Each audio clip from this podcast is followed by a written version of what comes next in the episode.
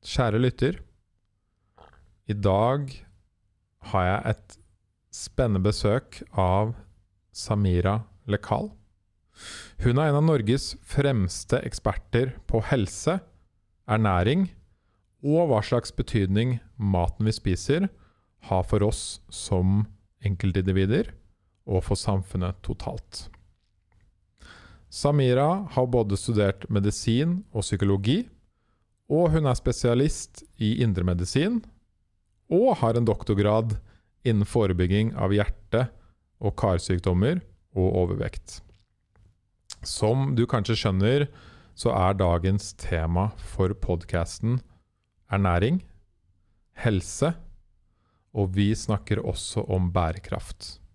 Samira deler utrolig nyttig informasjon om både hvordan vi i Norge spiser i dag, hvordan vi som enkeltindivider kan endre på våre spisevaner, og hvordan hun jobber med å dytte litt på samfunnet og privat sektor for at vi skal bli både sunnere, friskere og mer bærekraftige.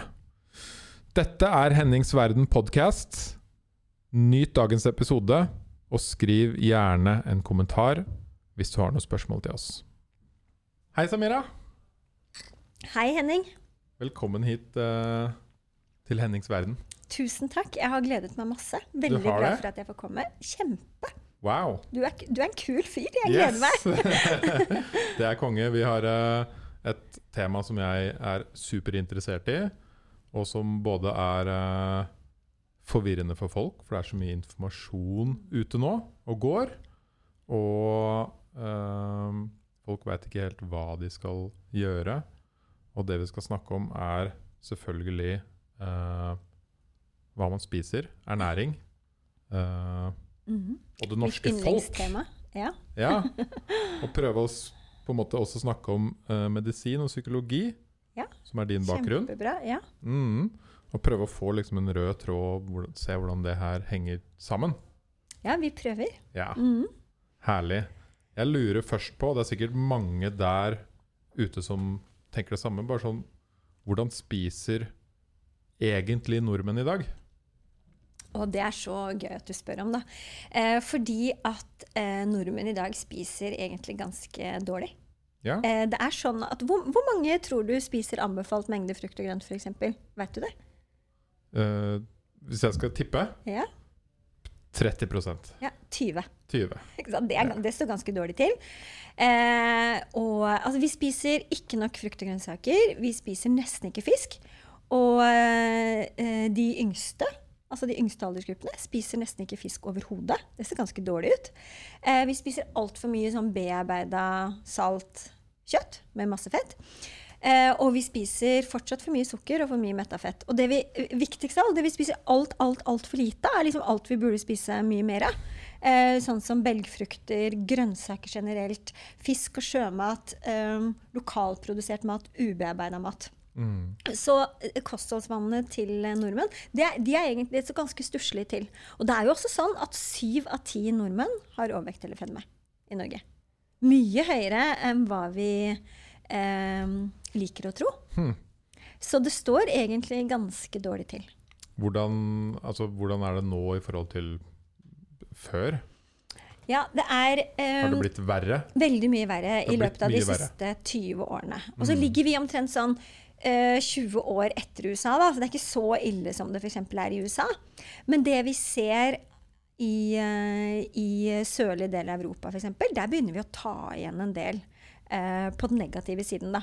At i, eh, i Portugal og Spania, Frankrike, Italia, Hellas, så har andelen f.eks. barn og unge med overvekt og fedme, den har ligget eh, høyt, men så har de begynt å klare å jobbe. Så det er noe redusert. I Norge har vi ikke klart å jobbe med å redusere denne andelen i det hele tatt. Så vi tar liksom ikke helt på alvor at vi eh, spiser og lever for dårlig. Da. Vi, vi har liksom ikke helt skjønt at eh, det å bygge helse hos barn og unge, f.eks., det er eh, kanskje den beste valutaen vi har. Da. Det har vi ikke helt tatt inn over oss. Um, Men jeg regner med at helsen til barn og unge gjenspeiler jo helsen til foreldrene. Det er, ofte. Veldig, det er et veldig godt poeng. Ofte så er det jo det. Vi pleier å si i medisinen at vi arver eh, livsstilen vår. Da. Og da snakker vi egentlig ikke om genetikk, for det er vi veldig opptatt av. Vi vil veldig gjerne finne en sånn genetisk variant eller en genetisk form da, som, gjør, som forklarer eh, overvekt eller livsstilssykdom generelt. Eh, og det fins masse fedmefremmende gener. Men eh, det er likevel ikke det genmaterialet, altså det arvematerialet, er likevel ikke et hinder for om du gjør noe med livsstilen din, så får du likevel det samme resultatet. Altså du bygger helse. Og vi arver helt klart livsstilen til foreldrene våre. Og det er det som er så herlig eller ganske mm, kjipt da, med å Ja. være forelder. på en måte. Du er en veldig viktig rollemodell, og spesielt de første leveårene. Så det der gamle ordtaket med at hvis foreldrene dine røyker, så begynner du også å røyke, det er ganske sant. Ja, det det, det er ganske sant. Det er det. Ja, det, det er det. Ikke, ikke, ikke alltid, selvfølgelig. Jeg Nei. er jo fra en sånn ordentlig innrøkt, eh, supersnill pappa, da. Eh, og røyker likevel ikke. Men poenget er at eh, vi lærer en hel masse vaner, og smakspreferansene våre, de utvikles ekstremt hurtig de første leveårene. Så hvilke smaker vi liksom eksponeres for, hva vi får å spise de første årene vi lever, er veldig retningsgivende for hva vi liker. Mm. Og så vet vi jo at eh, vi lærer oss å like nye smaker med årene, da. Hvis vi har sterk vilje. sant? Det har de aller fleste opplevd sånn i tenårene og sånt. Så utfordrer man smakssansene på mange både bra og dårlige alternativer. Så vi kan lære oss å like nye ting, men da er vi veldig avhengige av at vi har en sånn sterk vilje. da. At vi vil gjøre noe med eget kosthold. Mm. Og eh, det er det jo ikke alle som vil. Men det er, det er undersøkelser viser at det er, det er mange i Norge, altså. Syv av ti viser Folkehelseundersøkelsen fra 2020. Syv av ti ønsker å gå ned i vekt, og syv av ti opplever at de gjerne vil spise og leve sunnere. Det tenker jeg er en sånn De fantastisk vil, folk invitasjon. Det er, det er en invitasjon til meg, Yes. som jobber med å bygge folkehelse, tenker Ja. jeg. Ja, for det er veldig interessant, uh, akkurat det der. Men eh, hvor er liksom sper Hvorfor klarer ikke folk å få det til, da? Hva, hvis Ja. vi sier det syv av ti vil, men syv av ti er også overvektige Ja. Det er, det er jo det som er det store jokerspørsmålet, da. Og jeg tror at øh, Du sa innledningsvis at jeg- er jo lege og har jobbet med å bygge helse fra, fra sykehuset. Jeg er spesialist i indremedisin, jobbet med hjertesyke pasienter i mange år. Og de siste 15 årene jobbet med behandling av overvekt da, på sykehus. Og jeg tror at både helsepersonell, men også helsemyndighetene har jobbet med veldig tradisjonelle virkemidler til nå. Det er jo på en måte noe bra med det, men vi har satsa på en måte veldig tungt på å endre levevanene våre, appellere til de bevisste eh, systemene våre for valg. Eh, helsemyndighetene forteller oss at du bør spise fem om dagen. Legen forteller deg at du må eh, drikke mindre alkohol eller spise mindre fett, for du har høye fettstoffer i blodet. Og det vi vet, da, er at vi tar beslutninger eh, på to måter. Eh, Det er det som er det bevisste valget. Det tar vi liksom med hodet og tankene våre. Men så vet jo at vi tar så mange, mange valg med hjerte og lyster og noe som ikke er bevisst i det hele tatt. Og matvalgene våre, altså hva vi velger å spise og drikke, er i veldig liten grad bevisste, men de er impulsstyrte. Så jeg har de siste årene jobbet veldig mye med ehm, å forske på nye systemer for hvordan vi på en måte, sammen med god og riktig informasjon, også kan bruke virkemidler som f.eks. nudging, som handler mer om å dytte og lirke og påvirke de her ubevisste systemene våre i hodet. Da. Hvordan kan vi bare i hverdagen, i dagligvarebutikken, i kantinen, i kiosken, på kjøkkenet ditt, legge til rette for at du liksom velger sunt. da. Hvordan kan vi gjøre det på en annen måte? Og så blir jeg alltid veldig sånn nysgjerrig. Hvordan, hvordan spiser du, Henning? Hvordan eh, Kjenner du deg igjen i, i det her når jeg forteller om frukt og grønnsaker og fisk og sånn? Er det, er det sånn du spiser? Ja det- Ja, for lite eller for mye? Jeg har testa Ja. mange forskjellige dietter de siste årene. Mm -hmm. uh, mye påvirka av kule podcaster i USA. ja. Kule folk i USA, ikke sant? Uh, mye kommer derifra, har jeg merka. og om leger har hørt på podcaster osv. Som har gitt Og for så vidt venner og bekjente som har testa forskjellige dietter Mhm. eller måter å leve på. Eh, vegetar, vegan, keto, disse forskjellige diettene. Mhm. uh, de har jeg testa, og siden jeg Nå er jeg 33, og siden jeg var mm, 19, når jeg var student, så har det skjedd helt sykt mye innenfor Ja. hva jeg spiser og hvordan jeg lever. Kjenner du, merker du, det, merker du at det påvirker energien din? Og, Veldig. ja, Mm. det, det tenker jeg Det her trenger lytterne dine å høre, da. For det er Mm. på en måte det ikke-medisinske perspektivet. Du sier at vet du når, jeg, når jeg korrigerer måten jeg spiser på, så føler jeg meg bedre. Og det er liksom det vi fra min sånn, eh, faggruppe da, prøver å si hele veien. Hva er de viktigste mer, tingene du spiser da? hver Men, dag? men, ja, men kanskje enda mer så føler jeg hvor dårlig jeg føler meg når jeg ikke spiser sunt. godt poeng. Ja, Mhm. Det er det jeg føler mest på nå. Nettopp. For nå er det vanlig for meg å spise relativt sunt. Ja. Og så er jeg jo bare menneske, så jeg, og jeg elsker jo å spise en, en hamburger eller en kebab, whatever, og drikke meg full av til. Ikke sant? Det er gøy. Sånn, sånn skal man leve av til. Og det er jo Men heller da- ikke usunt. Nei, men da kjenner jeg jo på hvordan det er å være usunn. Ja. For det er det du gjør hver dag som teller. Yes. Hva, er, hva er det de viktigste korrigeringene du har gjort i kostholdet ditt, da, som gjør at du liksom opplever at du lever sunnere?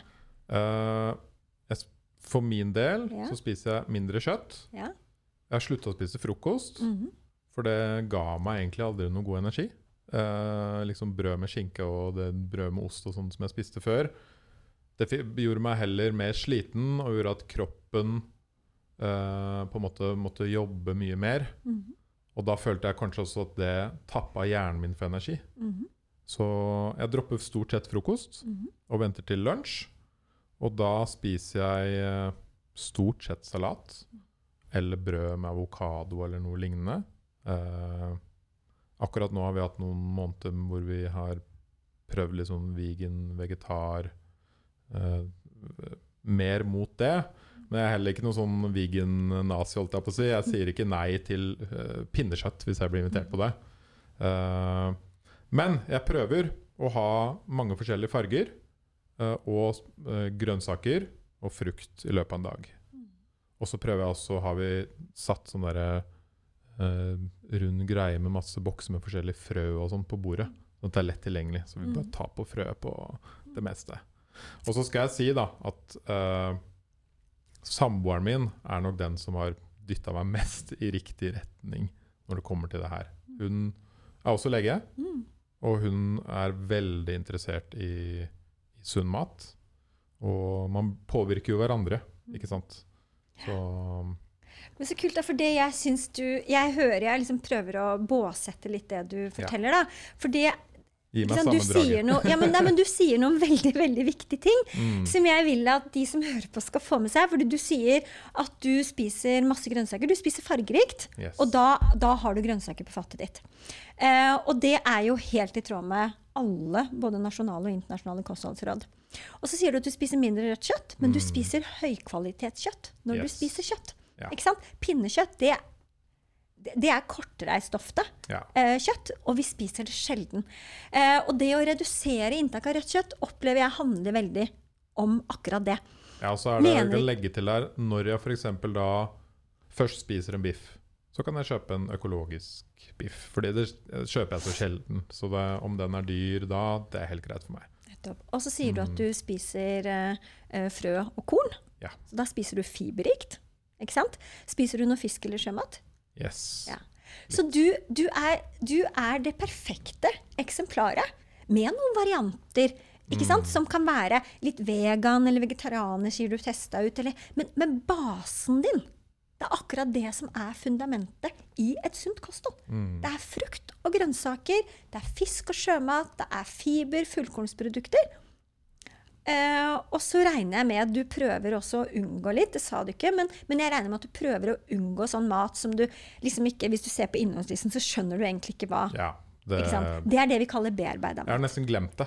At det jeg, vi bruker det så lite hjemme, så Og hvis man er i havn på det, og det, det her syns jeg er så innmari viktig, for det er ikke så vanskelig, er det vel? Det er ikke sånn at du kan, du kan handle maten din i helt vanlige butikker, kan Ja. du ikke? Nettopp. yes. Og det er liksom kjepphest for meg, da.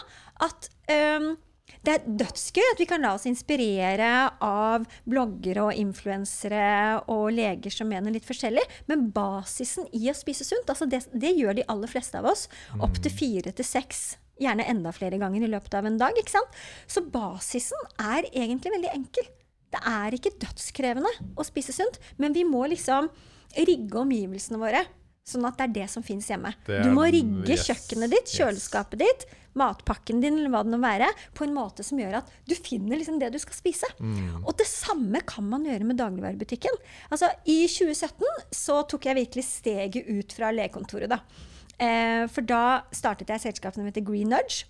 Og der Men eh, var, var, bare sånn, var det fordi du ikke så at Funka ikke det du holdt på med? Var det grunnen, eller hvordan Nei, eh, nei det, det, det, altså det funker å være lege på sykehus. Det må vi fortsatt være. Og en del av meg er fortsatt det. Men jeg bare opplever at vi må gjøre noe mer i tillegg. Yes. Eh, jeg må bruke på en måte min legekunnskap på en annen arena i tillegg. Og det gjør jeg i Green Så i Green så tar jeg på en måte, eller prøver da, å ta legekunnskapen min om å fremme et sunnere, mer bærekraftig kosthold eh, utenfor legekontoret. Og det har gjort spesielt mye de siste årene. At jeg har jobbet med å se hvordan kan vi liksom designe en dagligvarebutikk som gjør at du og jeg kan gå inn. Eh, og så blir det automatisk bitte lite grann lettere å velge mer av det som er sunt. Og vi har et stykke igjen å gå, altså. Men allikevel så syns jeg vi har eh, Nå skal jeg ikke drive med som markedsføring her, men vi har jobbet med Norgesgruppen. Det er en hel haug av butikker. Men der har vi f.eks. gjort noen grep og bygd om butikkene. Sånn at frukt og grønt er først i butikken. Ja, det har jeg faktisk sett i noen butikker. Og vet du hva? Det gjør at de som ikke spesifikt leter etter frukt og grønnsaker, de kjøper 20% mer.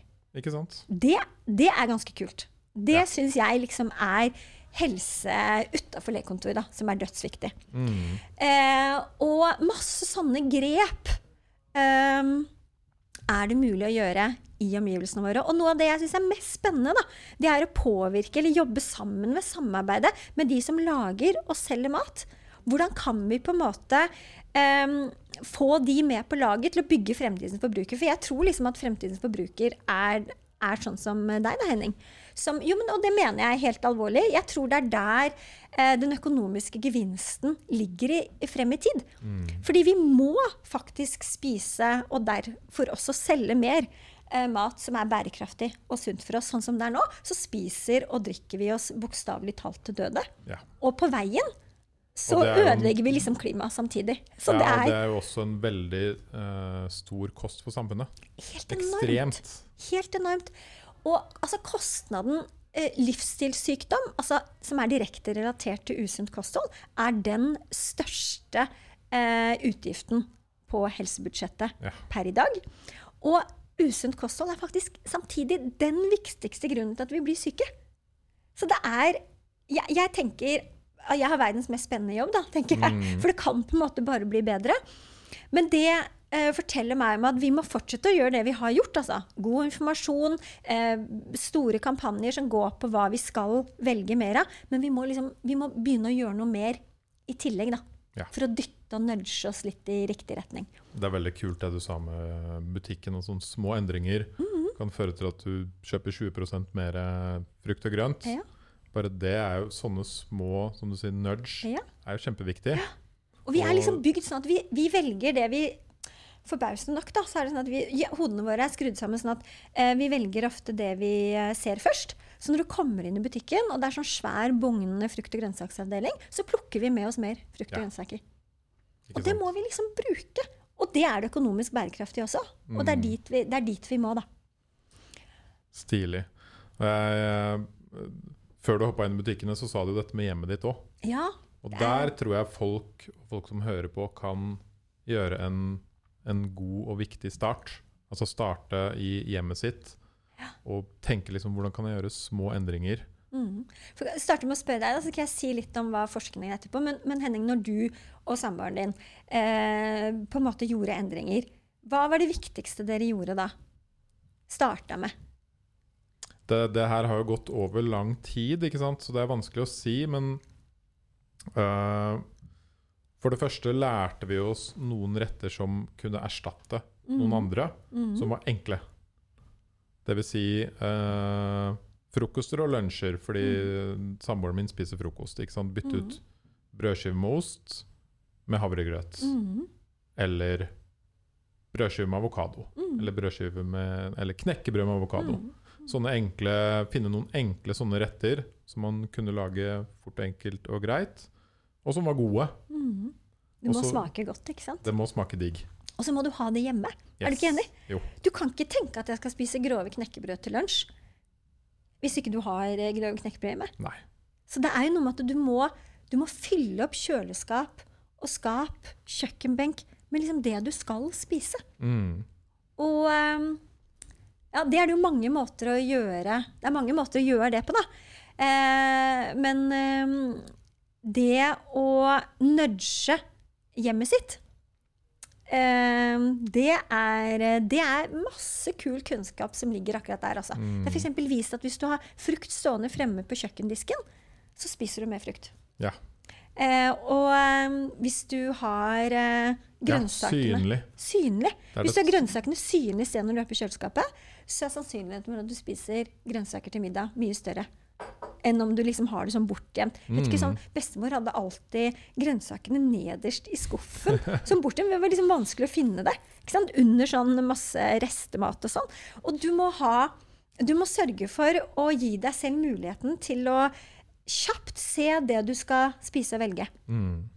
Og så er jeg, jeg er veldig fan av at mat Vi er jo Mat må smake godt, og det er det er en eh, usannhet at god mat ikke smaker godt. Ja. For det gjør det. God mat kan smake kjempegodt. Og um, da, for, for mange som da f.eks. ikke liker frukt og grønnsaker, så tenker jeg da har de, da har de ikke utfordra seg selv nok på hvor, på, på hvor godt det kan smake. da. Men er det Så- ikke også noe med at folk er så vant til salt og sukker i mat?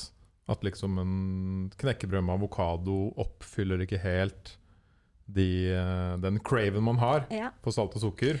Jo, og det er det Husker du jeg sa helt eh, i starten at de der eh, vanene vi arver av foreldrene våre, da, de er så viktige, spesielt de første leveårene. Det, det skrev jeg sammen med kolleger en bok for for noen år. Fordi at akkurat hvordan Altså smakssansene våre blir litt sånn De blir litt sånn numme. Mm. De blir litt sånn ødelagte av at man Hvis alt er veldig søtt eller veldig salt, så smaker vi på en måte ikke eh, noe som er mer nøytralt, da. Og det er sånn veldig klassisk eksperiment. Men hvis du tar en deilig søt drue i munnen, og så en sjokoladebit, og så en drue, så smaker druen gang nummer to ordentlig bittert. Det. Og det er jo fordi at sjokoladen er så overdimensjonert søt. Og det betyr ikke at jeg ikke liker sjokolade. Nei. Men det er noe med å ehm, venne, altså venne seg til, da. Og spise rene smaker. Jeg er jo veldig opptatt av ren mat. Jeg, jeg tenker at eh, hvis man syns det er vanskelig å spise noen grønnsaker, så er en gulrot, altså. Ja. Sånn knaskende er helt supert alternativ. Eh, eller eh, tomater, eller Og jeg har også også hørt og lest at hvis man skal spise noe usunt, men spiser noe sunt først, så på en måte utjevner det litt det usunne? Er det, er det Ja, altså Det er to gode grunner til det. da. Det ene er jo at eh, hvis du har eh, Magen vår, er jo magesekken vår, er jo omtrent på størrelse med en eh, tennisball. mm, Hvis man er normalvektig. Og så tøyes den jo. Så når man spiser, så er litt av grunnen til at du kjenner deg mett, er at de reseptorene, altså Det er sånn strekkreseptorer i magesekken som sender signaler opp til hodet om at du liksom får tøyd på den litt, så nå er du mett. Det er en av våre signaler for sult og metthet. Og hvis du allerede har litt oppi den magesekken, så er den jo allerede tøyd litt. mm, Eh, sånn at det tar litt, altså litt raskere, så får du signaler om at du er mett. Så det er et veldig sånn smart triks. Men det andre er jo at eh, når vi spiser sånn et måltid som er riktig sammensatt, som består av både karbohydrater og uh, fett og proteiner, så blir vi mer sånn tilfredsstilte. Du vet, når man, på, uh, når man spiser sånn deilig liten forrett med litt sånn, kanskje noe, noe fisk eller sjømat, og så spiser du en stor, deilig salat, og så spiser du kanskje uh, enda litt mer fisk eller rent kjøtt, eller, og så spiser du bitte litt dessert etterpå, så blir du veldig sånn Du blir veldig happy. Du blir veldig fornøyd. ikke sant? Og det er jo fordi at det måltidet er veldig sånn godt balansert. Og jeg pleier å Det vet du sikkert ikke, da, men eh, jeg pleier å snakke om eh, noe som heter superskive. Ja. Og det er så gøy, for du har sagt Superskive. Ja, superskive. Du har sagt skive med avokado på. eller knekkebrød. på det, avokado er blant de matvarene vi har som er virkelig sånn supermat. da. Og superskive er f.eks. grovt knekkebrød eller grovt brød med eh, salat eller spinat på. Et lag med avokado og ost og enda litt mer grønnsaker oppå. Eller f.eks. Fiske, grå fiskekake eller reker eller Det er en superskive, for den inneholder alt du trenger. Mm. Eller egg, f.eks. Egg er også et sånn veldig godt eksempel på supermat. Og da, hvis du spiser en sånn skive versus en sånn eh, litt sånn deigete skive, da. Kneippbrød med Ja, ikke sant? Med sånn og- eh, kjip, eh, veldig salt skinke eh, som på en måte ikke er fiberrikt. Det gir deg ikke noe riktig. Så har du ikke Du blir ikke mett på samme måte. Nei. Du kan spise en mye større mengder og likevel ikke føle deg tilfredsstilt. Hm. Så ja, eh, jeg, tror, jeg tror jeg vil være enig med deg i det at hvis du hvis du passer på å fylle opp med riktig type energi gjennom dagen, så tåler kroppen din litt mer av det som er usunt, når du har behov for det. For jeg er også veldig opptatt av at um, det er naturlig, og vi blir lykkelige. Det skilles ut lykkehormoner i Ja. kroppen når vi spiser. Sammensetningen av fett, salt og sukker er jo magisk. Det er jo helt fantastisk. Og det er helt greit. Men vi tåler den mye bedre når vi har en sånn god grunnbase, da. mm. Altså spiser øh, sunt og riktig øh, totalt sett. Så spiller egentlig ikke det man gjør når man koser seg litt ekstra, noen rolle i det hele tatt. Mm. Eh, Jeg snakka med en kompis som har barn. Han sa bare det er bare så utrolig vanskelig når man har barn, å være sunn. Sa han det? Han, ja, fordi han sa da har man mye mindre tid, og så må man liksom bare sende kidsa det er, det er mye mer mat å lage. Og så er det jo veldig lett å lage den brødskiva du akkurat snakka om. Ja, altså, jeg skulle jeg likt å møte han kompisen din. Ja. For jeg, er, faktisk, jeg, mener at sunn mat, ja, jeg mener at sunn mat ikke behøver å ta lang tid. Altså, for eksempel eh, middag, da. Eh, jeg eh, jobber altfor mye selv i perioder, eh, men spiser eh, sunn middag hver dag. Og en sunn, kjapp middag kan være kokte egg eh, med røkelaks og spinatblader, eller det kan være makrell i tomat og Mm. grov skive. Eh, salat eh, går jo superkjapt Ja. å lage. Eh, avokado på skiva med tomat oppå er et kjempegodt alternativ. Em, og salat for eksempel, som skal mette, kan du ta bønner eller linser og helle om i sitron. Ja, for det sier jo ofte folk også. Ja. At liksom, eller jeg tror uh, veldig mange sliter med å erstatte f.eks. kjøttdeig, ja, som er det, et fyll som liksom metter, som skal mette, Ja. ikke sant? Og jeg, og som er lett. Ja, så, så jeg, jeg må si at jeg er ikke enig i at det å spise sunt eh, må være så krevende. Og For sånn I forhold til barn altså jeg er veldig opptatt av at man kan gjøre det veldig enkelt. Om barn spiser en salat, eller om de spiser en gulrot, en bit med agurk Mm. og eh, en halv paprika. Det spiller ingen rolle hvilken form de spiser de grønnsakene i. Og noe lettere enn å legge fram en gulrot på bordet, det fins vel ikke type. Nei. Så det handler liksom mindset, og så tror jeg det handler om hva vi, hva vi har lært, da. Og det, det er et av mine eh, viktigste nye prosjekter. Får jeg lov å fortelle bitte litt om Fortell. det? Ja. Eh, jeg har sammen med eh, ja, 50 fagpersoner i Norge, det er kjempestolt at jeg har klart å favne så mange, som jobber med kosthold, behandling av overvekt, eh, få oss mer aktive. Så har jeg eh, laget nå en plattform som heter restart.no, Mm. som eh, har hatt med Novo Nordic, som hjelper oss å finansiere mye av det. da. Men hvor egentlig målsettingen er å samle kunnskap. Litt sånn som du fortalte om at dere begynte å lete etter kunnskap. Da måtte du liksom lete veldig mange steder for å finne god kunnskap. Og sånn er det jo litt i dag. At du må liksom inn på en hel haug av sider som kanskje ikke er så naturlig. Og så hvis du søker opp en blogger eller influenser, så vet du kanskje ikke om den informasjonen du får, Nei. er den riktig, er den reell? Mens restart.no uh, er en plattform hvor vi kun formidler forskningsbasert sannheter. Yes. Og det er jo ikke alltid at de er så enkle, de heller, da. Men, men det er i hvert fall helt sånn Det er basert på nasjonale og internasjonale retningslinjer. Mm. Og så og banker vi også på døren til helsepersonell. Fordi det også er det sånn at syv av ti ønsker å gå ned i vekt, men vet du hva også syv av ti sier? At de, de opplever at legen ikke tør å spørre.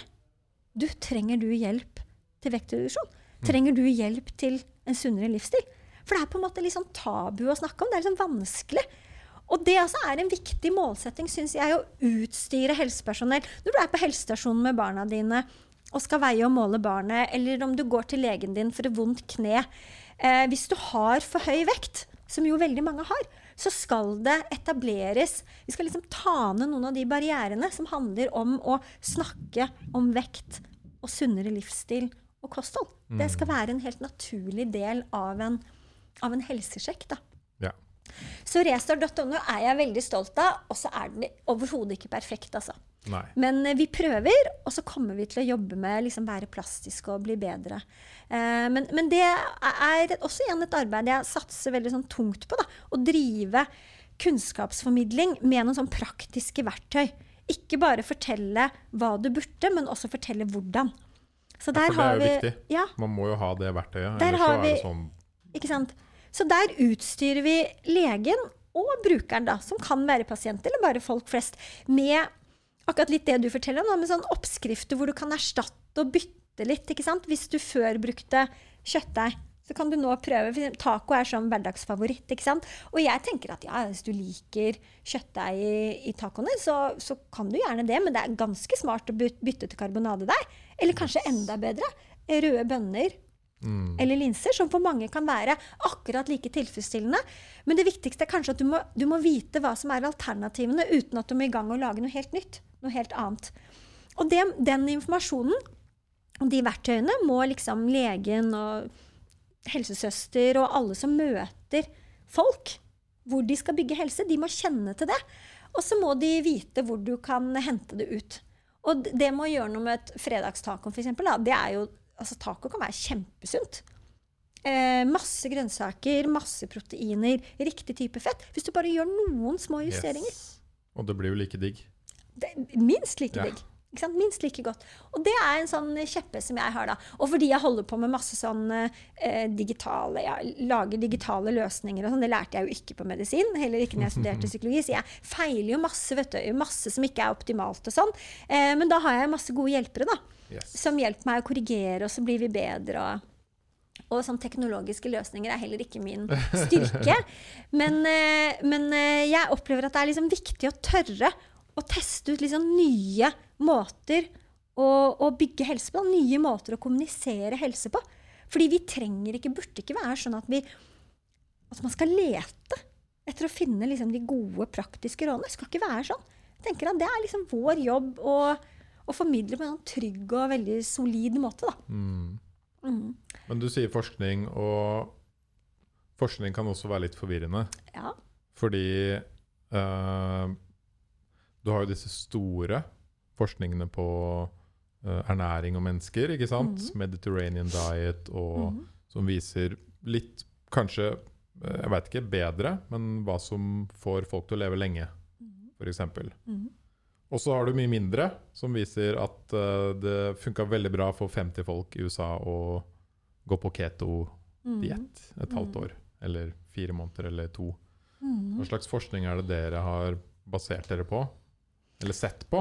Ja, og nå blir jeg litt sånn tante Sofie her, kjenner jeg. Det Ja. liker jeg egentlig ikke å være, da. Men vet du hva? Fordi man det der er vanskelig. Ja, ja, jeg, Ja. ja, det er egentlig ikke så vanskelig, tenker Nei. jeg. For jeg tenker at når man skal formidle overordna eh, gode råd, Mm. så må man lene seg på, på det som er tung forskning, altså som er sånn samleforskning. Og Ja, Da snakker du om de større. de større.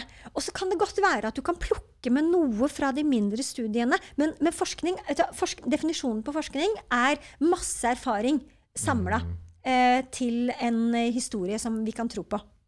Og vi skal, ikke, vi, skal ikke legge, vi skal ikke legge bort og si at det er ikke sant, det vi finner i mindre studier. Men vi må akseptere at det må gjerne forskes mer på Ja. før vi vet om det er en sannhet for mange. Og jeg vil påstå at når det handler om kosthold og ernæring, så er de store overordna studiene de aller viktigste.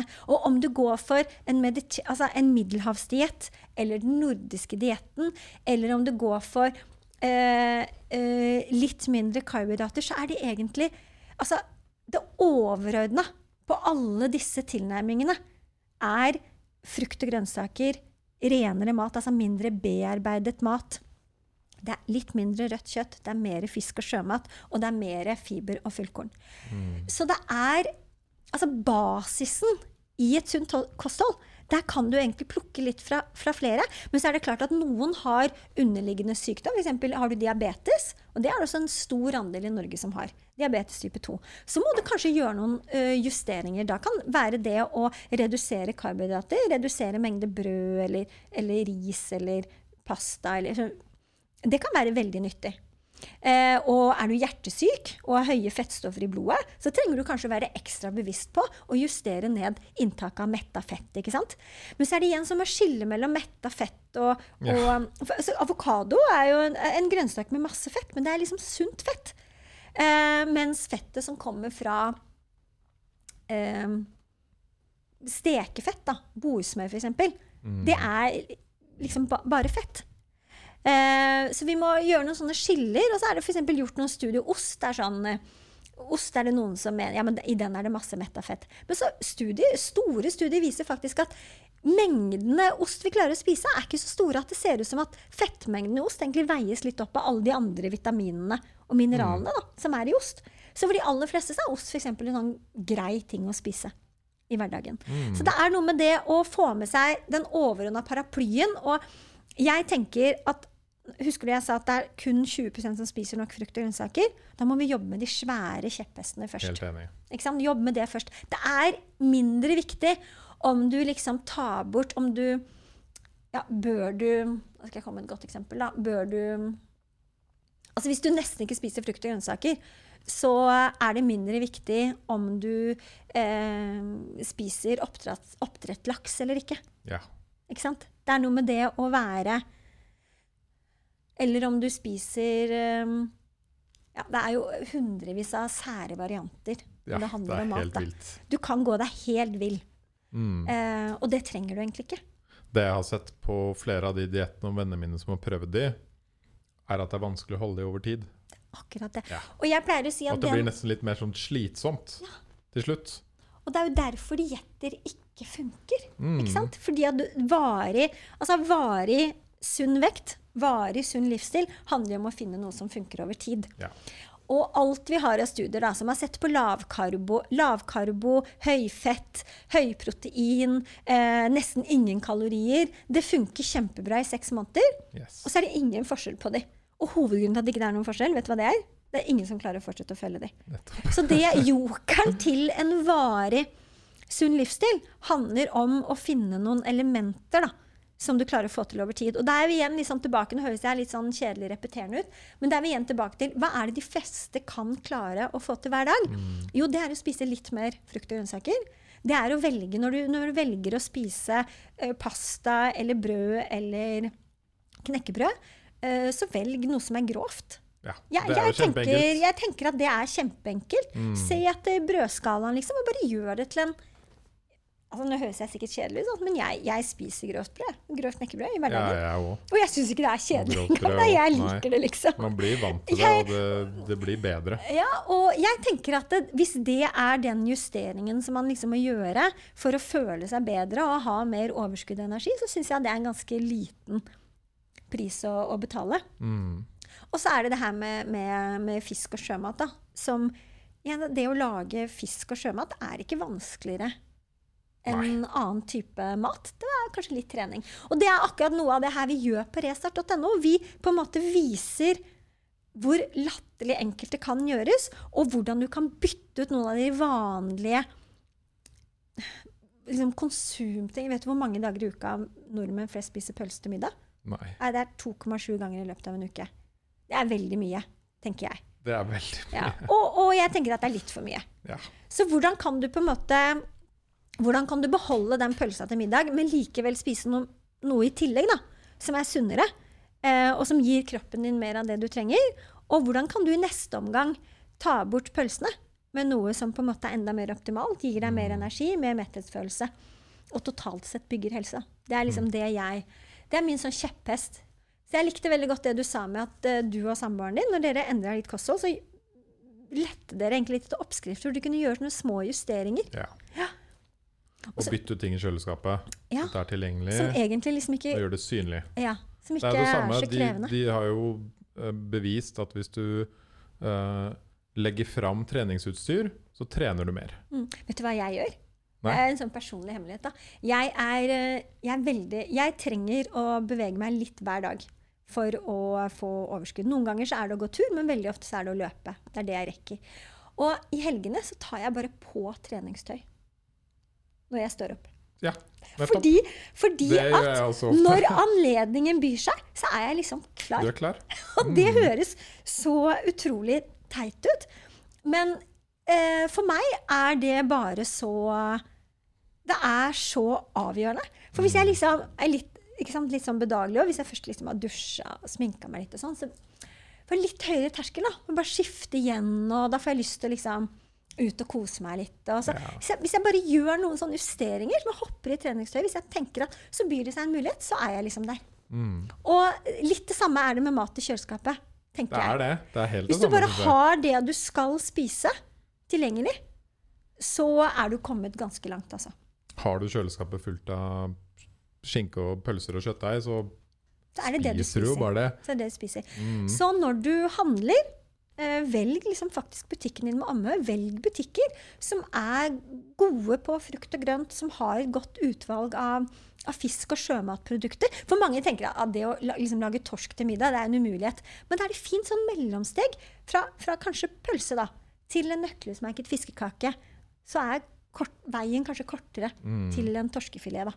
Og så er jeg også sånn fan av sånn enkle løsninger som makrell i tomat Ja. boks og sånn. Hvis du har det kjempetravelt. Og det, noe, det tar ikke lengre tid å åpne makrell i tomat enn å putte en pizza i ovnen. Da. Så det er liksom noe med å lære seg de grepene. Mm. Mm. Og man kan bytte ut også Litt som du sa, har du dårlig tid på middagen, så kan du ha sånn lunsjmat Ja, ja. til middag. Ja, absolutt. Det er ikke noe stress. Det er ikke noe dårligere Det, det er kanskje en av de viktigste kjepphestene mine. Det har jeg lært begge barna mine. Da, at um, vi er ikke en dårlig familie, selv om vi spiser eh, brødmat og salat til middag. Nei. Det gjør oss ikke noe dårligere av den grunn. Og det er liksom helt greit, tenker jeg. Det er, man pleier å si at sånn kjappe middagsretter tar 20 minutter. Da. Og da tenker jeg noen ganger 20 minutter, det har jeg jo egentlig ikke så ofte til å lage middag. Før jeg liksom skal av gårde igjen på et eller annet. Da. Og det gjør ikke noe. Du kan spise kjempesunt og ernæringsmessig riktig, og ikke minst veldig godt. Altså Mm. smakfullt og godt. Eh, selv om ikke det tar mer enn fem minutter. Det er for så vidt jeg har lært at det er positivt med dietter. Fordi i fjor så var januar vegeta vegetar, Mhm. og så var februar vegan. Ja. Og mitt mål med det var bare å lære masse nye retter. Mm, det Så det er positivt Mhm. med det. Hvis Ja. du går inn med den innstillingen at ok, nå tar jeg to måneder og tester det her. Både for øh, min egen min egen øh, grunner om å være sunnere og teste det. Liksom, det er gøy å prøve noe nytt. Men hvis på en måte hovedmålet er nå skal jeg ha liksom, Etter det her så skal jeg ha fem til ti nye retter som jeg kan. Mhm. Da er det mye lettere etterpå. Det er, Liksom veldig, det er veldig godt poeng da. For det er jo sånn at de aller fleste av oss eh, lager et sånt eh, utvalg mellom fem og ti retter som vi spiser og bytter ut på. Du har det på. samme Ja. om og om, om igjen. Og så er det sånn, Har du merket at hvis du tenker på hva du spiser ja, Nå er det sikkert veldig tilfelle for deg, da, som har gjort man, mange korrigeringer. Men, men jeg plutselig kan jeg komme på noen middagsretter som vi spiste ganske ofte for fem år siden. Som vi liksom har glemt. Mm, Som vi kan ta fram igjen. For man spiser litt sånn på vane. man gjør det. Og det, det syns jeg er et veldig godt poeng. Og eh, fordelen med å teste ut å være vegetarianer eller veganer over en periode, det er at veldig mange lærer seg å bruke veldig billige råvarer, sånn som bønner og linser, og bruke noen av det sånn tyggemotstandige grønnsaker. Kikerter. Jo, og tyggemotstandige grønnsaker sånn som, som metter veldig, og som man kan bruke til veldig mye, sånn som aubergine og blomkål og brokkoli og nepe og kålrot, søtpotet. Man lærer seg å bruke den type grønnsaker på en helt annen måte. For nå er man Man kan liksom klø seg litt i hodet. Kan man gjøre noe annet med blomkålen enn å liksom bare koke den? Mm. Eh, men da lærer man seg veldig mange måter da, å bruke eh, grønnsaker på som man ikke kanskje intuitivt bruker eh, utenom. Og det, det syns jeg, det, det synes jeg er veldig det, det, er spennende og gøy, da. Mm. Og så er jeg veldig Jeg, er veldig, jeg syns det er veldig gøy å lage mat. Eh, jeg jeg syns det er gøy å lage hverdagsmat som er sunt, og som går fort. Eh, jeg lever eh, et kjempetravelt liv, men opplever at det går litt sånn sport i det. Syns det er en fin sånn utfordring Yes. å vise meg selv og mine nærmeste at du kan, det, det er ikke noen motsetning, da. Og så syns jeg det er også veldig gøy å teste ut litt nye retter. Det. Eh, når, det er, når jeg har fri og jeg helt koser meg veldig med å lage litt ekstra god mat. Onsdager er sånn min lille lørdag, da. Da har jeg litt ekstra god tid. Og da pleier jeg ofte å teste ut Nei, veldig, jeg synes det er fått veldig sånn fornya. Jeg syns det er veldig godt med fisk. Så de siste månedene så har jeg testa ut sånn nye måter å lage fisk på. Eh, og så testa ut sånn å lage sånn fiskemat. Nå høres jeg veldig gammel ut, da. Men sånn lage fiskegrateng eller fiskekaker og sånn selv. Eh, bacalao har jeg lagd. Det er så godt, men det krever liksom litt mer tid. da. Mer tid enn jeg har i hverdagen. Um, og så tester jeg også ut akkurat sånn som jeg sier, med å lage sånn paier med, med grønnsaker. Det synes jeg er veldig gøy. Det er sånn som jeg ikke har tid til ellers. Men hvis du, ofte så har man kanskje én dag man kan gjøre litt sånn mer ut av middagen. Da, da gjør jeg det, da. Og så syns jeg det er veldig gøy. Jeg har, jeg har jo barn. Nå ganske voksne barn, da. Men uh, opp gjennom årene så har jeg alltid sånn pleid å teste ut da, eh, hvor mye grønnsaker kan du liksom ha i en eh, sånn tacokjøttdeig da, før det egentlig er bare noe helt annet. Det smaker fantastisk. Så jeg startet med liksom blomkål og røde bønner, løk.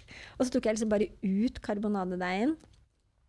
Og så syns alle det bare er kjempegodt. Yes. Så test, liksom. Hvis du, hvis du er alene i familien og har litt lyst, så bare test ut. Ikke, bare, bare test ut litt. Test ut litt nye smaker. For mat er For Jeg mat også gøy. sånn uh, type lasagne og pasta og sånne ting uten at folk har merka Ja, at det ikke er kjøtt i det. det er litt gøy. Mm. Det er litt gøy. Chili con carne. Ja, uten, det er kjempegøy, ikke sant? Så det, det tenker jeg. Og så syns jeg også litt at eh, jeg synes det er viktig å gjøre sånn skille mellom at eh, mat skal ikke være en sånn negativ, eh, skambelagt greie. Altså, mat er masse kos. Vi blir glade av å samles og spise god mat. Det er en viktig del, et viktig sånn nytelsesprinsipp i hverdagen vår. Eh, så eh, når, velg mat som du syns smaker godt, men heller utfordre liksom smakssansene. Og sånn som du sier, altså, hvis du har lyst på, på rødt kjøtt en dag, så, så gå, gå for det.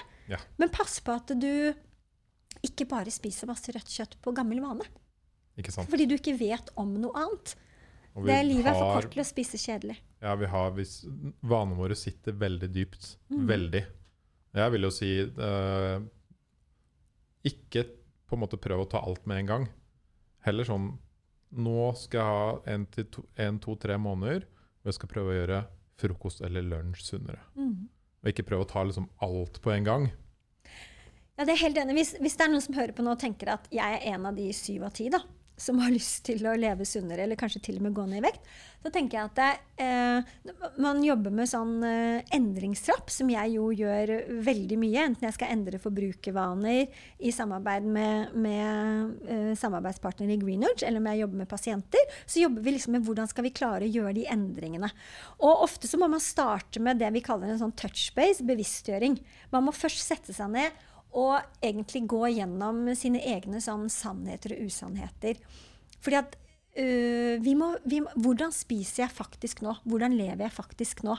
For vi glemmer ofte litt. Mm. Vi må tørre å være litt sånn ærlige på at ja, Nei, jeg, jeg spiser faktisk ikke grønnsaker til middag hver dag. Jeg trodde kanskje det, men jeg gjør ikke det.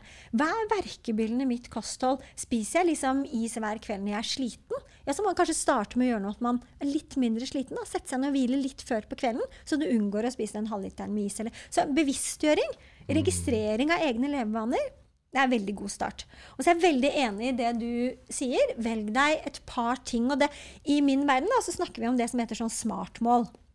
Det har den medisinske verden lært av den økonomiske verden. Den økonomiske verden har jo brukt det fra 80-tallet, og så har den medisinske verden begynt å bruke det fra sånn rundt 2000-tallet. Og da snakker vi om smartmål, som egentlig betyr å definere deg noen mål som er relatert på smart-prinsippet. Kjenner du det? Gjør du Ja, jeg har helt sikkert. Ja. Men da skal det være, det skal være spesifikt. Og så skal det være akseptabelt. Det skal være noe du selv kjenner at ja, det, er jeg, det er jeg med på. Eh, og så skal det være realistisk. Og det henger med, sammen med det du sier. At hvis du bestemmer deg for å bytte ut alt, så er det kanskje ikke realistisk. Nei. Og så skal det være tidsbestemt. Igjen det som du sier, altså bestem deg for at det er tre måneder, eller Og så skal det være mulig å um, evaluere.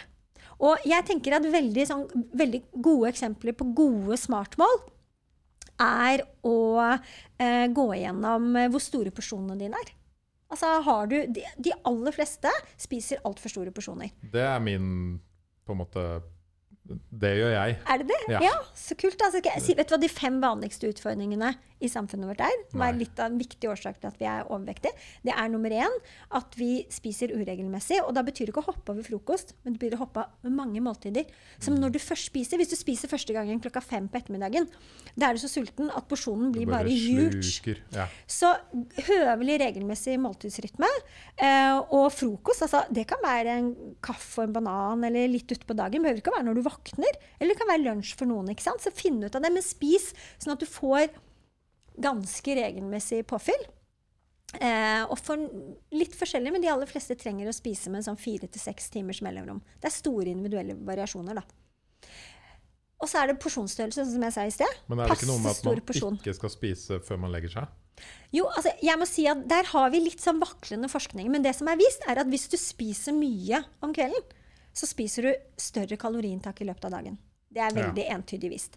Og for meg personlig så jeg liker egentlig For meg personlig så fungerer noe som et periodisk faste veldig veldig godt. Jeg får god ro i mm. forhold til det. Jeg liker å ha mine store måltider eh, til lunsj og litt tidlig middag. Og det er unntaket med sånn stor middag på kvelden. Jeg sover bedre, jeg får bedre energi. Bedre energi til å trene fra morgenen av, som jeg liker, hvis jeg ikke spiser noe særlig etter sånn seks-syv på kvelden. Det fungerer best for meg. Mm. Um, men, men, hver og en av oss må selv kjenne etter hva får jeg best energi av. Eh, og for meg så fungerer det bra å ha en ganske lang periode hvor jeg gir kroppen litt sånn ro fra mat eh, på kvelden og gjennom natten. Yes. Eh, og som sagt altså viser forskning at, at, totalt sett så spiser vi mer hvis vi spiser veldig mye på kvelden. Det er ikke mm. noe dårlig tips. Hvis du sliter med store porsjoner, så er det lurt å ikke legge de til kveldstid. Eh, men, men, jeg vil fortsette ja, med lista mi. Får jeg lov til det? Det var ja, det med regelmessig måltid og porsjoner. Og så her kommer en viktig en. Det er at vi drikker mange av kaloriene våre. I moderne vestlige samfunn så drikker vi frapper og energidrikker og masse smoothier. Og det er for så vidt ikke det verste, litt avhengig av hva de er laget av. Men vi drikker veldig store mengder av kaloriene våre. Veldig ofte. Masse søt drikke. Eh, og sukker i drikke, det er vist, og det gjør oss overvektige. Hva med, sånn, hva med sånn ikke-sukkerlig drikke som er søt, da? Ja, altså øh, det, er ikke, det, er ikke, det at det egentlig er farlig å drikke, øh, Pepsi, drikke Max Pepsi Max og sånn. Men det er, hvis du, svære mengder av det òg er på en måte mer liksom, Og jeg, det er en av mine svakheter selv, ja. må jeg bare si. Jeg, det er bra vi kan dele litt svakheter. Ja, ja, jeg er glad i brus uten sukker. Det jeg skal si om det, er at skal du drikke brus, så bør du velge en drikke brus uten sukker. Mm. Men det er ikke en del av hverdagskostholdet, altså. Det er ikke det du liksom skal drikke når du føler deg tørst. Da burde du drikke vann. Ja. Eh, det, må jeg, det må jeg få lov å si. Det var litt av ja, Sofie. Ja, Men det, det du drikker vann også. Ja, drikker vann nå. Og så er det det vi allerede har snakka ganske mye om. det her at hvis du, hvis du, har som målsetting å gjøre noe med livsstilen din så når du, du vet når jeg starta med den kartleggingen, hvordan spiser jeg i dag, da kommer du til å finne en del sånn brølere som er litt av årsaken til at du spiser usunt. Hvis du finner ut at du alltid har kjeks i skapet, alltid sjokolade, alltid peanøtter eller alltid potetgull, så er sannsynlig at du spiser mye av det mye, mye større. Så du må på en måte sørge for at det du har tilgjengelig i huset ditt, er det du skal og burde spise mer av. Og så er Den siste den er viktig å ha med. fordi Vi spiser ikke bare fordi vi er sultne. Vi spiser også, vi er ganske følelsesstyrte. Så mange spiser når de er glade, eller når de er triste, eller når de er eh, excited, sånn opprømte, eller når man er trist. Mm. Så bli også litt, sånn kjent, ja, bli litt kjent med ditt eget spisemønster. Um, vi har jo alle kolleger eller venner sånn som raser ned i vekt hvis det skjer noe stressende eller vanskelig i livet. Og så har du de motsatte. Hvis det skjer noe vanskelig i livet, så trøstespiser man. Så, så der er vi veldig ulike, men det også er virkelig verdt å, å bli litt sånn kjent med seg selv, da. Mm. I forhold til hvordan eh, det er. Og eh, selv er jeg en sånn eh, jeg, jeg, kalle, jeg er ikke trøstespiser, men jeg er litt sånn slitenhetsspiser. Yes. Hvis du skjønner hva jeg mener med det? At hvis jeg er eh, sånn etter en lang dag, og, så, eh, så kjenner jeg at hvis jeg da har eh, noe god frukt eller noe som er bra for meg tilgjengelig, så koser jeg meg med det. Men hvis jeg har eh, smågodt, og Pepsi Max er sånn eh, mine svakheter. Da. Mm. Hvis jeg har det tilgjengelig, så blir det ofte til at jeg småspiser det litt. Da. Og litt da under at å, jeg er for sliten til å lage meg noe annet. Så for meg er det viktig å ikke ha det tilgjengelig hjemme hver dag. For da våkner jeg med litt dårlig energi hvis jeg gjør det sånn over lengre tid i perioder. Og det, dette har jeg også og lest om og snakket med mange om, dette med viljestyrke. Hvor mye den synker fra åtte om morgenen til fem på ettermiddagen. Det er ganske vilt. Eh, åtte om morgenen så er det ganske lett å liksom Nei, jeg trenger ikke å spise boller nå. Uh, nå har jeg god energi, og viljestyrken er på topp. Og så du, er du ferdig på jobb etter en lang, slitsom dag. Du er sulten. Du går liksom forbi et sted med boller som lukter godt. Da er det veldig lett å bare Jeg kan jo ta en sånn på veien. Før middag. Og det er, det, det er derfor den der bevisstgjøringen er så viktig når du starter. ikke sant? For det, være, det, krever en helt sånn ærlig dialog med seg selv. For hvis man faktisk pleier å stoppe og kjøpe varme boller, som jo alle syns lukter himmelsk, Ja, når man er sulten, ja, så må du kanskje planlegge for ikke å gå forbi der. Mm. For du kan ikke helt satse på viljestyrken din når du skal endre livsstil. For det, den er for sårbar. Ja, akkurat det gjør jeg på vei hjem fra jobb. Så har jeg liksom eh, Første er sånn Yummy Heaven. Ja. Det er jo sånn smågodtbutikk. Ja. Jeg er ikke så fan av godteri, men det er noe med når du går forbi hver dag og ser Hver det. dag. Hver eneste dag. Ja. Så til slutt bare Ja, faen. Kanskje Tilgjengelighet, ikke sant? Ikke sant? Mhm. Og den andre er en sånn uh, Aleppo på Grønland, som liksom har ordentlig bra Mhm. kebab. Mhm. Så går forbi der hver dag. Tenker du om og om igjen, ikke sant? Ja, ja. Og den tredje er en pizzasjappe. Mhm. Så nå går jeg sånn Veldig liten lurt. omvei, sånn sti rundt alle de, sånn at jeg ikke ser de engang. Ja, men for det er noe med å være ærlig på? Det du snakker om der, er jo litt det poenget igjen med tilgjengelighet. Da, sant? Vi, må, vi må hjelpe oss selv, må nudge oss selv litt, rett og slett, til å gjøre det lettere. Og um, altså, jeg er en av mine sånn hverdagsluksuser, da. Det er at jeg ofte kjøper meg en cappuccino. Uh, Yes. det syns jeg er veldig, veldig godt. Uh, men jeg har bare en helt sånn klar regel på at jeg ikke kjøper den croissanten sant? utenom på fredager. Mhm. Og det, vet du, det kan man si er litt sånn kjedelig, men for meg er det et veldig viktig sånn hverdagsmål. Fordi eh, jeg koser meg for det første ikke med den hver dag. Den smaker ikke like godt. Da blir det bare en sånn vane. Og så har jeg bare bestemt meg for Jeg vet at det er en utfordring hos meg selv. Mm. Og da har jeg bestemt meg for det. Det er et smart mål. Så når hun eh, søte damen i bakdisken spør vil du ha noe med den, så med mindre det er fredag, så er det bare helt refleks. Ja, da skal ikke den med. Og det gjør det mye lettere enn å måtte liksom ta den spørrerunden med seg selv hver eneste dag. Og hvis du da har en litt kjip dag, så er det lettere å bare Nei, jeg kan uansett vente til fredag.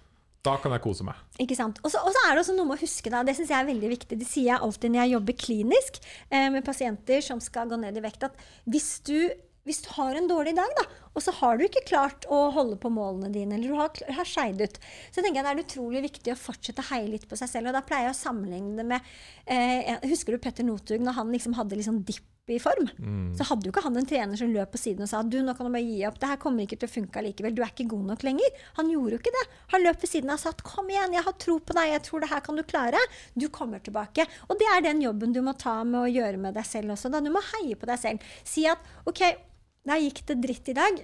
Men i morgen er det en ny dag. Og det er jo ikke sånn at du ikke får uttelling av å velge riktigere for deg selv i morgen fordi du gjorde dårlig valg i går. Ikke sant? Sånn er det ikke. Så endring av livsstil da, er et litt sånn evigvarende, ærlig indre dialog.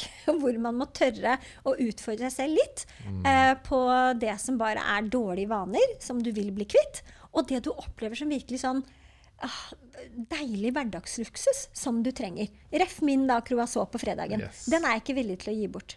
Nei, og så er det noe med med. å, å snu liksom vekta til å At liksom stort sett 80-90% så er du sunn og har gode vaner. Mm.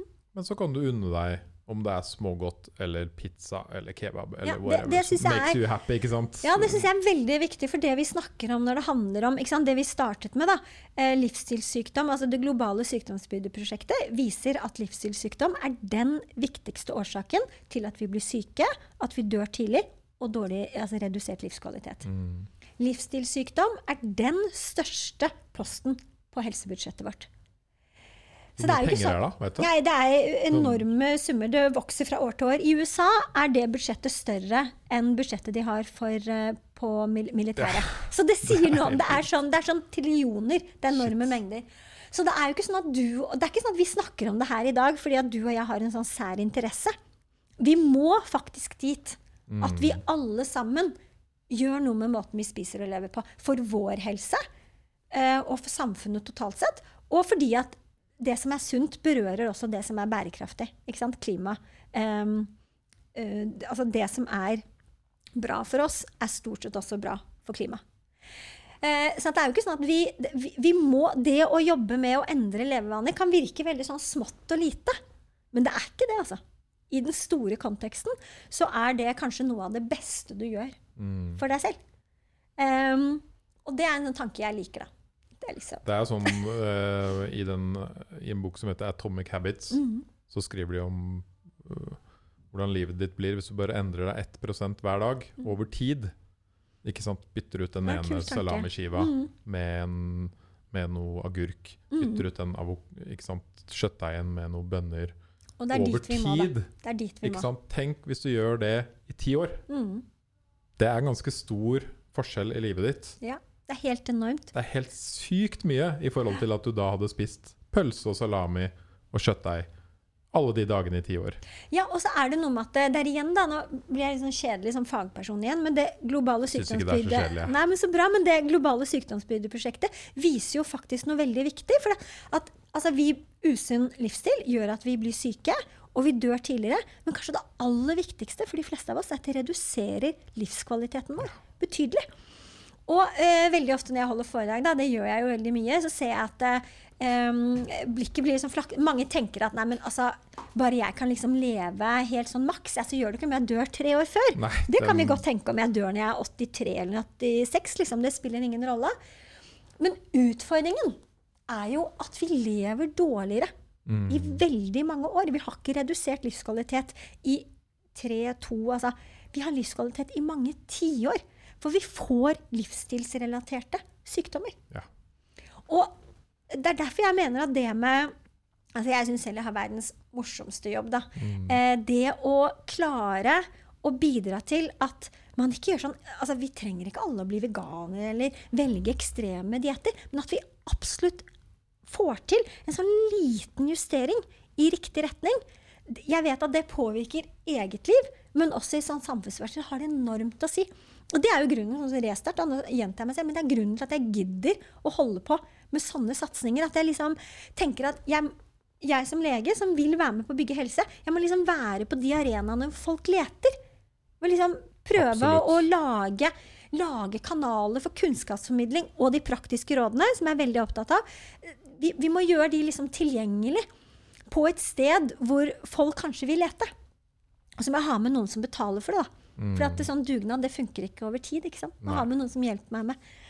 Ja, det er veldig bra. Så, så jeg, jeg har bare så enorm tro på for jeg, for jeg tror veldig mange ikke har fått med seg, og jeg tror ikke helsepersonell enda er, er gode nok til det, jeg tror veldig mange ikke har fått med seg at om du bare klarer å bytte den ene skiva med sånn veldig fett pålegg, eller det ene brødet da, som egentlig bare er salt loff, hvis du klarer å gjøre det én endring, eller bare ta med en gulrot til middag eller lunsj hver dag, så det er en, det er en liten endring som er enormt positiv. Mm. Og det er et viktig budskap, tenker jeg da. Det er liksom det som gjør at jeg syns det her er gøy. Ja, man må jo starte et sted. Jeg har også et par andre gode tips til det. Uh, sånn som moren og faren min. Ja. De heiv seg jo på en sånn uh, tre eller fire dager i uka. En sånn uh, matboks som Ja, kommer hjem til dem. ja, ja. Og så valgte de sunn matboks. Mm. Mm. Og den er kjempebra. Jeg husker ikke, Det er mange av de, det er, Det er bare å av google, de. det er masse Men det forskjellige er av de mange av de som er veldig gode på nettopp det. For da gjør Yes. du at du Og det er jo litt av clouet, tror jeg, da. At da har noen liksom handlet for deg, da. Ja. Har noen hjulpet Og de gjør det lett i hverdagen, for de har ikke mye tid. Nei, Og de vil gjerne komme hjem, og så er alt klart. Du må bare følge en oppskrift, men du har alt i Og kanskje det var litt spennende òg. Fikk tips til litt ny mat og, Ja, for det var det andre liksom nye de, tips, ikke sant? de forteller, er jo nå lærer de nye oppskrifter. Mhm. Og så river de ut og liksom sparer noen av de digge. Favorittene, ikke sant? Yes. Ja. Så det er det ene. Og det andre er jo det jeg og, og dama har eh, prøvd nå. Det er også veldig mange meal planners Mhm. online. Mhm. Og det kan man også google, hvor du betaler stort sett litt i måneden, altså 200 kroner eller noe. Mhm. Og så får du da uh, Den vi bruker nå, heter Lighter, tror jeg. Mhm. Da velger du uh, hvor mange ganger om dagen du vil spise. Mhm. Og så kan du faktisk følge sånne veldig kjente leger eller doktorer eller Mhm. atleter hvis du vil. Eller så kan du ha din egen plan. Og så sier du hvor lang tid har du på de tre måltidene. Da kan du si liksom Jeg har fem minutter på frokost. mm. Jeg har 15 på lunsj, og jeg har opptil 45 eller en time. Det kan du velge selv. Mm. Eller 15 minutter på middag. Og så får du rett og slett hele uka satt opp. Og så kan du velge mellom tre eh, oppskrifter eh, hver dag på liksom frokost, lunsj og middag. Og der står det også hvor mange andre som har lagd det og liker det Og liker det. og digger det. Eh, og så velger du bare da gjennom uka. Vi gjør det hver søndag. Og så får du hele alt du må handle i butikken. Og det her, er, det her er en av mine Kan ikke jeg komme tilbake til deg om fem år? eller noe? For det her Ja. er noe av det jeg virkelig? Jeg uh, har enorm tro Det er noe av grunnen til at jeg syns det er jobb, gøy å jobbe med dagligvare. da. Altså Mm. Norgesgruppen, som har butikkjeder som spenner alt fra Meny til Joker, liksom. Og Kiwi midt imellom. Og så har du Rema og Coop som, som på en måte er på siden der igjen. Men jeg tenker at det her Jeg eh, ønsker å bidra til at en sånn her tjeneste blir allemannseie. Den blir ikke bare for deg og kjæresten som er spesielt interesserte, eller for meg og min familie? Som, som virkelig har, eh, har skjønt at det her er en viktig sak for oss. Men det blir allemannseie. Det Mm. blir noe som virker så tilgjengelig. Noe så selvfølgelig som å betale med kort i butikken eller bruke VIPs. Yes. Det er liksom dit jeg ønsker at vi skal. Og jeg syns det er et annet veldig viktig element med det du sier, Henning. fordi at du og kjæresten din dere har liksom akseptert litt at ah, det å få hjelp og tips til åssen mat vi skal spise, det er vel helt innafor. Ja. Og på, ah, på et eller annet merkelig vis da, så er det i dag litt sånn at eh, det er kostholdsveiledning. Det det er liksom, det hører til hvis du har blitt syk. Eller, og det, hvor, hvor dumt er ikke det? Det tenker jeg er eh, det å liksom bygge aksept for, og gjøre det til sånn noe som alle bare benytter seg av. Det, er, eh, det er en visjon jeg virkelig, virkelig har. Da. For vi har ganske gode tall på hvem som bruker den type tjenester i Europa og USA. Da. Så er det en sånn liten elite. Yes? Vi treffer bare de Per i dag så treffer vi bare de som er spesielt interesserte. Eh, men, men, eh, men vi har jo nå eh, Vi har eh, begynt å få sånn, trom, Hvis du er Trumf-medlem, så kan du nå få se alt du spiser. Næringsinnhold og sånn. Men foreløpig så treffer vi bare de som er spesielt interesserte. Så jeg har en sånn visjon da, om at vi klarer å finne verktøy som gjør at vi treffer At det blir normen å få veiledning Mm. eh, til hva du burde kjøpe. Du liksom kan krysse på. Vi er en familie på fire som alle egentlig er litt eh, runde. Vi er ikke kjempeglad i fisk og sjømat, så der er vi ikke, det er vi ikke klare for ennå. Men ja, vi er klare for litt mer grønnsaker. Yes. Og så kan du liksom jobbe, bistå med handlelister og, og muligheter for mat der hvor de er nå. Mm. Det, det er liksom visjonen, da. Ikke bare gjøre det sånn nisjegreie, Og man kan jo men noe som alle er interessert i. Yes. Og man kan jo For meg var det viktig, og et spørsmål som alle der ute burde stille seg selv, bare sånn Har du god energi i løpet av hele dagen? For det er sånn, Man trenger ikke alltid spørre seg selv spørsmålet om maten man spiser er sunn, men bare sånn Har jeg egentlig god energi i løpet av hele dagen? Fra jeg står opp til jeg kommer hjem. Mm. Fordi Hvis du ikke har det, så er det et eller annet som øh, er feil. Og for min del For tidligere hadde jeg mye dårligere energi. Mm. Nå har jeg energi, god energi hele dagen. Ja, og det er jo det er så gøy at du sier det, for det er jo Vi pleier å si 'du blir hva du spiser', og det er få sånn myter som er mer sanne enn akkurat det. da. Vi blir jo Mm. faktisk akkurat hva vi spiser. Ja. Og for veldig mange så er jo det med energinivå mye viktigere kanskje enn å være sunn. Det å liksom føle Nettopp, at man det er det- makser ja. egen hverdag og har det bra, har energi og overskudd til å trene, til å gjøre skole så bra som du ønsker, til å ha den Hjelpe jobben du ønsker. Hjelpe barna dine, ha overskudd til ha sex med kjæresten sin. Og, Mm. Ha overskudd til å møte venner, ikke bare sovne på sofaen. Liksom. Og det tror jeg er det å, å faktisk eh, Igjen da, jeg som er lege, ikke sant? enda større grad fremme at vi er ikke opptatt av altså, eh, vekten for vektens skyld, eller kosthold for kostholdets skyld. Vi er opptatt av vekt og helse og en sunn livsstil fordi det bygger masse, masse altså, Mitt ord på det, du sier energi, mitt ord er livskvalitet. Mitt, mitt ord er livskvalitet. For det er, det er nettopp det det, her, det det globale sykdomsprosjektet er et arbeid som er gjort internasjonalt gjennom nå 15 år snart. Og vi, vi mister livskvalitet Ja. av måten vi spiser på per i dag. Og det er, jeg jeg opplever at det er det du sier når du sier energi, så er det, det er sammenfallende. da. Og livskvalitet, det har vi ikke råd til å miste, tenker jeg. Det, det må vi makse, Mm. alle sammen.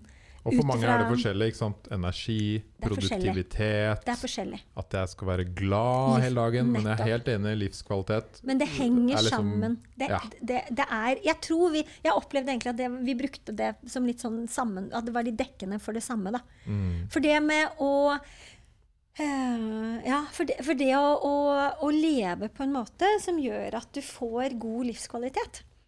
Og energi, da. Det er avgjørende. Og så er det mange som sier at nei, men altså, altså kosthold, det men, men kosthold henger også veldig sterkt sammen med psykisk helse. Man vet jo i behandling av alvorlig psykisk syke pasienter, så er det noe av det første man starter med, som er en viktig base for å bli psykisk sterkere, det er regelmessig døgnrytme, altså sove til faste tider, ha fulle netter og spise faste måltider og fylle på med positiv energi, da, altså næringsrik mat. Så altså, psykisk helse, fysisk helse, kosthold, ernæring, alt henger sammen, da. Mm. Så det er um, Ja. Det, er- det er så Jeg har så spennende jobb. Ja, Og det kan det, liksom- Og det, det jeg også ofte føler, er at det, det er mye som liksom ser så gærent ut. da. Og da er det mange som spør meg hvordan orker du liksom å jobbe med det her? Det, det går jo liksom ikke fremover. Og, og så er jeg litt sånn som tenker at eh, um, Jeg syns det er gøy med utfordringer. Det er det ene. Jeg har jobbet med behandling av overvektige barn og ungdom i mange mange år. Og det er kjempekrevende. Veldig vanskelig. Eh, men det er jo ikke desto mindre viktig. Så jeg opplever at det er et ansvar man, eh, man bør ta. Da. Eh, og så er det veldig gøy når man får til eh, da for eksempel, sånn som vi har gått inn og sett på salgstallene i, i noen dagligvarebutikker, så ser det at, det at vi kjøper faktisk mer frukt og grønt. Eh, også i de områdene hvor det er dårlig salg av frukt og grønt. Da, da kjøper vi mer hvis det ligger først i butikken. Da blir jeg liksom litt gira. Da blir jeg liksom barnslig. Det er sånn fagneid. Men det syns jeg er veldig gøy. Det er kjempegøy. Og det er jo helt klart eh, riktig vei å gå. Mm. Å få fjerna litt av disse eh, dårlige produktene. Et annet eksempel på det er nå er hele byen absolutt Alle bussholdeplasser har Big One-reklame. Mm. Har du sett? Alle! Ja. Og jeg sa til dama i går jeg kommer til å kjøpe Big One nå innen noen uker. Jeg, bare, jeg, jeg skal være ærlig på å si at jeg blir påvirka av den reklamen. Og jeg spiser jo nesten aldri frossen pizza. Jeg, bare, jeg må gå på den smellen snart. Det sier jo litt om hvor påvirka Ja. man blir. Hver dag, hele tiden, så får du disse reklamene opp i trynet. Og det er jo litt av noe av det jeg opplever som veldig um, nyttig, det jeg gjør i Greenwich, egentlig. At jeg, vi, der jobber vi jo med de som både produserer mat og selger mat.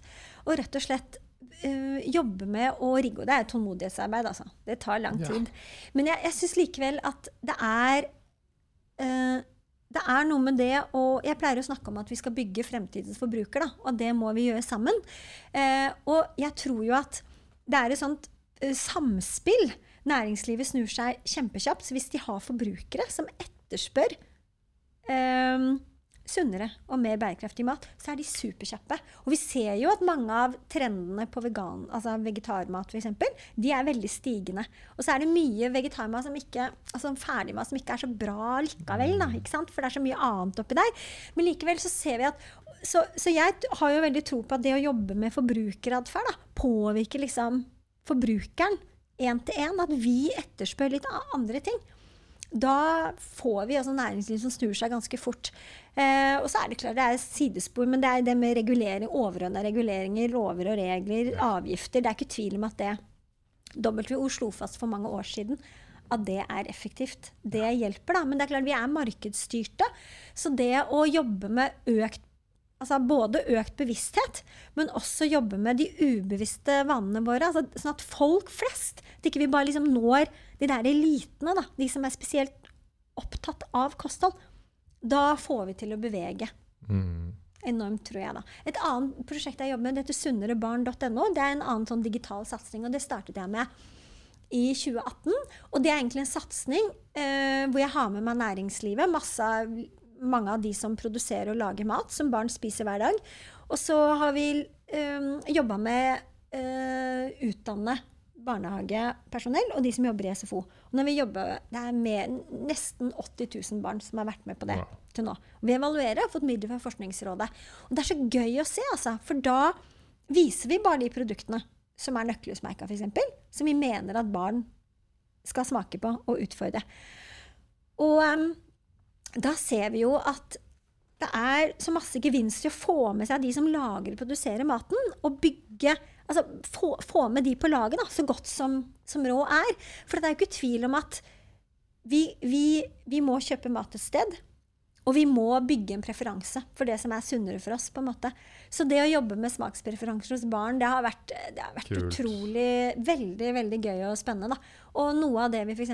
har funnet i den første artikkelen, er at eh, kvaliteten på mat i barnehage er faktisk ikke så relatert til budsjett som vi trodde. Nei. Men nesten enda mer relatert til kunnskap hos de ansatte. Ja, det kan Altså, jeg tro. Uh, OK, vi, vi skal ha grønnsaker hver dag. Da finner vi billige grønnsaker som vi serverer hver dag. Og litt Ja, altså- og ikke minst så det jeg har merka når jeg har for vært eh, spist mer grønnsaker og mindre kjøtt Grønnsaker er jo ikke ofte det dyreste. Altså, kjøtt og ost er også ganske dyrt i butikken. Mm. Så det veier egentlig bare opp hverandre. Og, Ikke Ja. Men det har bare vært så morsomt, for det er noen sånne barrierer da, som vi sitter på. Og ja, det er mye sunn mat som også er dyrt, men det er også mye sunn mat som er billig og tilgjengelig. Det det. da. Du må liksom bare bygge økt sånn, det vi kaller sånn økt awareness Mm. rundt de her valgene. Så vi får se. Kult. Ja, det er et utrolig bra uh, arbeid. Og så lurer jeg på, oppi alt det her, hva mener stort sett alle disse ekspertene og øh, folkene du møter, om økologisk mat versus ikke-økologisk mat? Ja, hva, hva ekspertene mener. Mm. Eh, Eller hva tenker du? Ja, ja, jeg dine- tenker at der har vi gjort noen sånne klare føringer. De danske kostholdsrådene er nå ganske nylig oppdaterte. Og der er anbefalingen at andel økologisk mat skal øke. Ja. Og jeg tenker, altså uh, igjen da, så tenker jeg at vi må hvile oss på uh, den tung, det tunge kunnskapsfundamentet som foreligger. Og der er jo anbefalingen at vi skal i retning av mer og mer økologisk mat. Ja. Eh, og så kan det være at vi også i fremtiden kommer til å finne studier som viser at det også er svakheter med den tilnærmingen. Men det er likevel ikke noen grunn til å kaste det kunnskapsgrunnlaget vi har nå, på, på båsen, da, tenker jeg. Og jeg tenker i det økologiske perspektivet så ligger også litt det her eh, økt bevissthet rundt sånn kortreist mat, da. Og Yes. lokalmat, syns jeg. For der treffer jo ikke akkurat det veldig bra med å spise masse avokado. Nei, Nei, Gjør ikke det, det, er litt sånn forvirrende. Men, ja, det, er, det kan være litt sånn vanskelig, men Mm. samtidig så tenker jeg at det, uh, det ja, kortreist, men også kanskje sesongbasert mat. da. Ja. For vi i Norge så er det jo Vi, vi er jo ikke selvforsynte. Vi er jo ikke det, så det er jo ikke så lett å, å kun spise kortreist og lokal mat. Men vi kommer et stykke hvis vi spiser mer sesongbasert. Og det har for meg for eksempel, da, det å spise sesongbaserte grønnsaker Mm. Hører du meg? Ja. Ja. Det syns jeg har vært liksom morsomt, for da har jeg liksom utfordra meg selv litt på da, liksom, hva, hva, hva er det vi har tilgjengelig akkurat her og nå? Og jeg synes Det som veldig mange kan kjenne seg igjen i, det er sånn klementiner. Og det er jo ikke, det er ikke kortreist, men det er sesongbasert allikevel. Og i Norge så har vi veldig mye Vi har bær på sommeren, og så har vi eh, grønnsaker og salater. Og så, så jeg tenker at det, det er kanskje det viktigste innspillet mitt. Tenk, tenk litt på at hvis du kan, hvis du kan prøve å, å tenke litt på hva som er liksom sesongbasert, så kan du gjøre det litt morsommere. Smakt på litt annen type mat. Mm. Eh, Obama har en sånn innmari morsom sesongkalender som ligger inne på nettsida si, faktisk. Som, den har jeg tenkt vi skal vise på resa. For den viser egentlig Det er sånn gulrøtter og vanlige grønnsaker, da. Og så er det jo noe som heter Hva er det heter? The Dirty Twenties Nei, de 20 verste sprøyta Ja, Hva som- heter det? Det er noe sånn. Jeg husker ikke. Ja. Men Den lista er grei å se på, i hvert fall. Ja, den Fordi for på, meg var det sånn OK, jeg spiser mye blåbær og banan.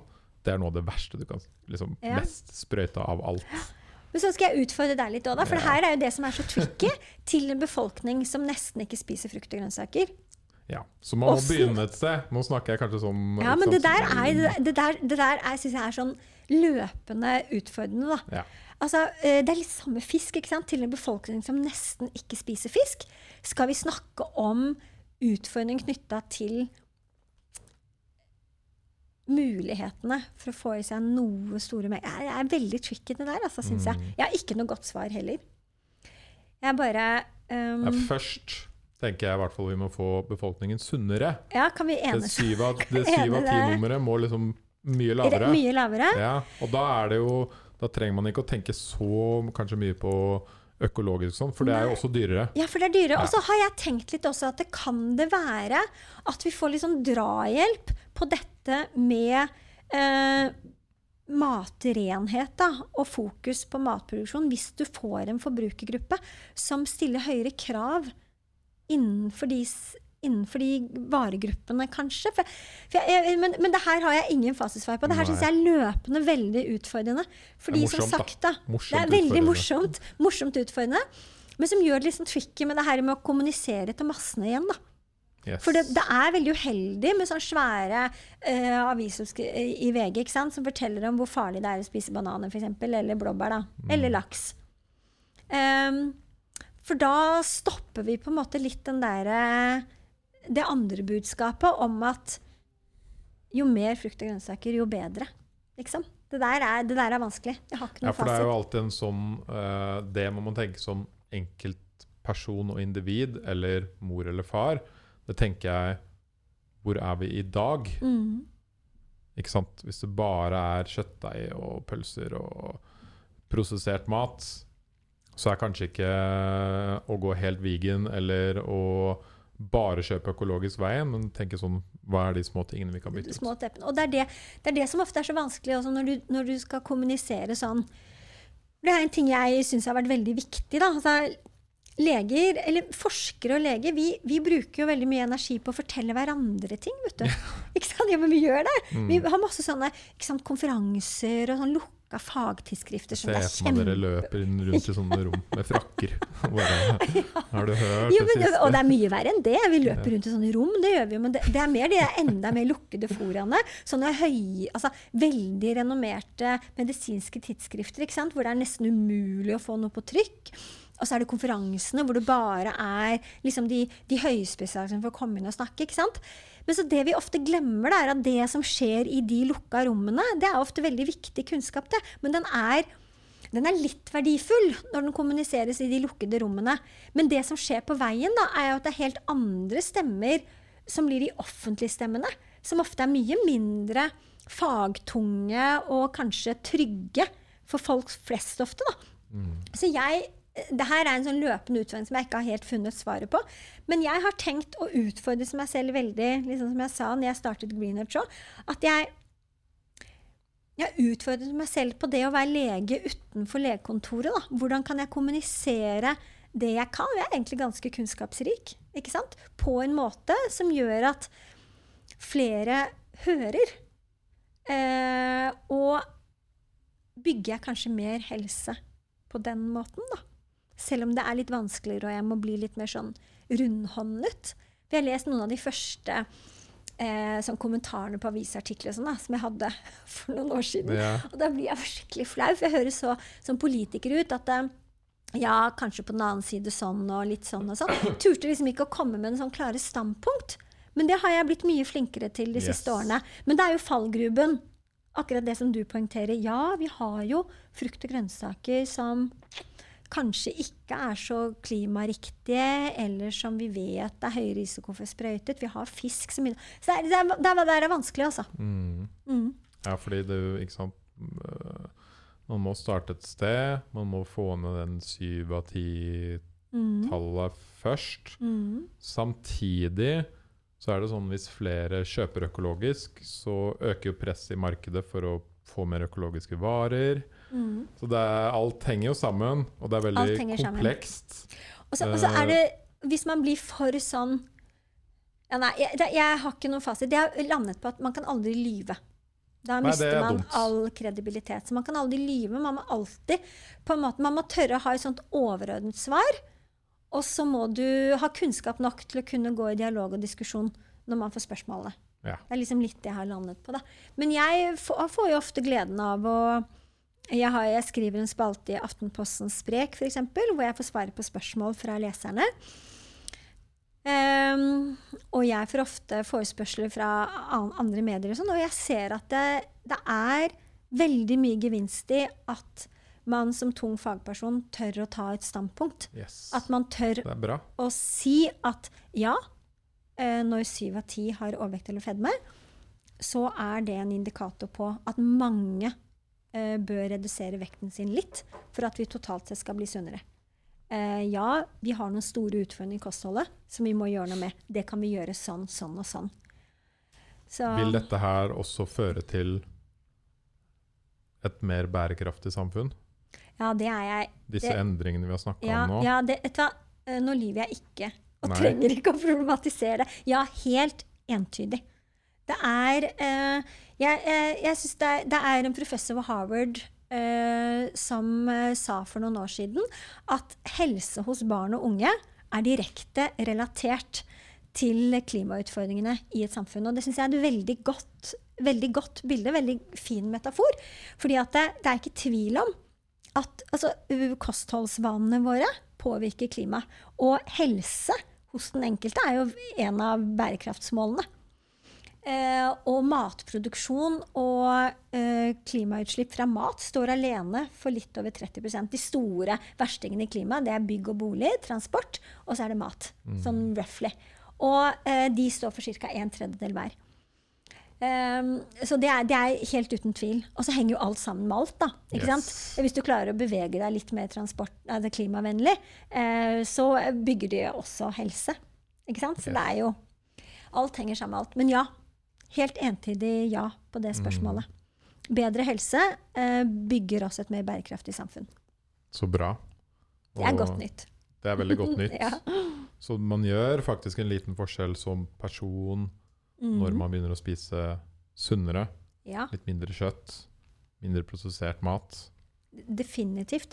Og så er det morsomt, da, fordi eh, vi har noen sånne store eh, internasjonale forbrukerrapporter som viser noe om hva er vi som forbrukere opptatt av. Og så nevnte jeg jo at Folkehelseinstituttet, de, den folkehelserapporten som ble gjort i 2020, den viste at syv av ti ønsker å gå ned i vekt. Og de internasjonale eh, rapportene på forbrukeratferd viser at vi har aldri vært mer opptatt av helse. Hm. Vi, vi ønsker bedre helse. Og det nyeste er egentlig at vi ønsker vi, Flere og flere, sånn som vi snakket om i sted, vil gjerne ha hjelp til å ta bedre helsevalg. Vi, vi er mer positive til det nå enn før. F.eks. sånn at dagligvare da kanskje i større grad eh, sier at her dette er et sunt alternativ for deg. Dette er et sunnere alternativ enn det. Og kanskje begynner vi å nærme oss da en sånn sannhet hvor vi faktisk flere flere grupper av befolkningen syns det er naturlig å si at hm, vi trenger å spise mer frukt og grønnsaker. Vi trenger kanskje til og med å gå litt ned i vekt. Hvor kan, vi, hvor kan vi løfte blikket og få hjelp til akkurat det? Som gjør at vi får en handleliste som vi kan ta med oss i butikken. Eh, med noen oppskrifter som gjør at valget er gjort litt for oss. Da. Yes. Det For det vil gjøre livet til mange lettere. Og, Ja, og, og ta oss i riktig retning. yes. Uten at vi liksom må hvile så mye på den enkelte. Da. ja, for det er ikke Ikke sant? Er, folk er veldig forskjellige. Og noen liker ikke å lage mat i det hele tatt. Noen liker det litt, og noen liker det mye. Mhm. Og noen spiser uh, pølse hver dag. Ikke sant? Så det er veld, veldig Enormt store spenn. Ikke sant? Og det å prøve å liksom lage løsninger og kunne bruke teknologi for, eksempel, for Mhm. å hjelpe alle. Mm. Ja, som liksom treffer alle. Vi må liksom vekk fra det at kosthold og for så vidt også klima og bærekraft det er et sånt elitespørsmål. Ikke sant? Det Da kommer vi ikke i mål, da. Nei. Så og det det, som ofte er problemet, uh, syns jeg, når vi f.eks. snakker om å lage en mer bærekraftig og grønnere verden, er at spesielt i media fokuserer vi utelukkende på alle problemene og hvor kjipt Mm. det går med verden. Mm. Men de snakker jo aldri om hva vi kan gjøre. Nei. Ok, Og- Du sitter der og føler deg litt lost ikke sant? Ja. og ser at det brenner i masse skoger og at det går dårlig med havet. Ja, og det, det, det der synes jeg altså Jeg har sittet på masse sånn eh, nå digitalt de siste to årene, og før det i sånne store saler. da. Og så avslutter alle med sånn 'It's time to act'. Og så blir jeg helt sånn OK. Men hva? Hva? ja. Og det er igjen da, nå, det var en av grunnene, særlig når vi snakket sammen før vi møttes i dag også, var en av grunnene til at jeg, at jeg egentlig startet eh, Greenedge. For jeg har lyst til å jobbe med noen av løsningene. Og eh, det kan være veldig skummelt å jobbe med noen av løsningene når man ikke eh, Fordi man vil jo gjerne presentere løsninger som liksom er perfekte.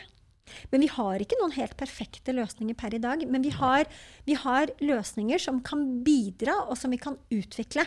Eh, og veldig mye av det arbeidet jeg gjør med mine kolleger i Greenwich, er rett og slett å teste noen av de løsningene. Altså vi tester ut tiltak i dagligvarebutikken. Vi tester ut digitale løsninger hvor vi jobber egentlig mot eh, faggrupper som jobber med barn.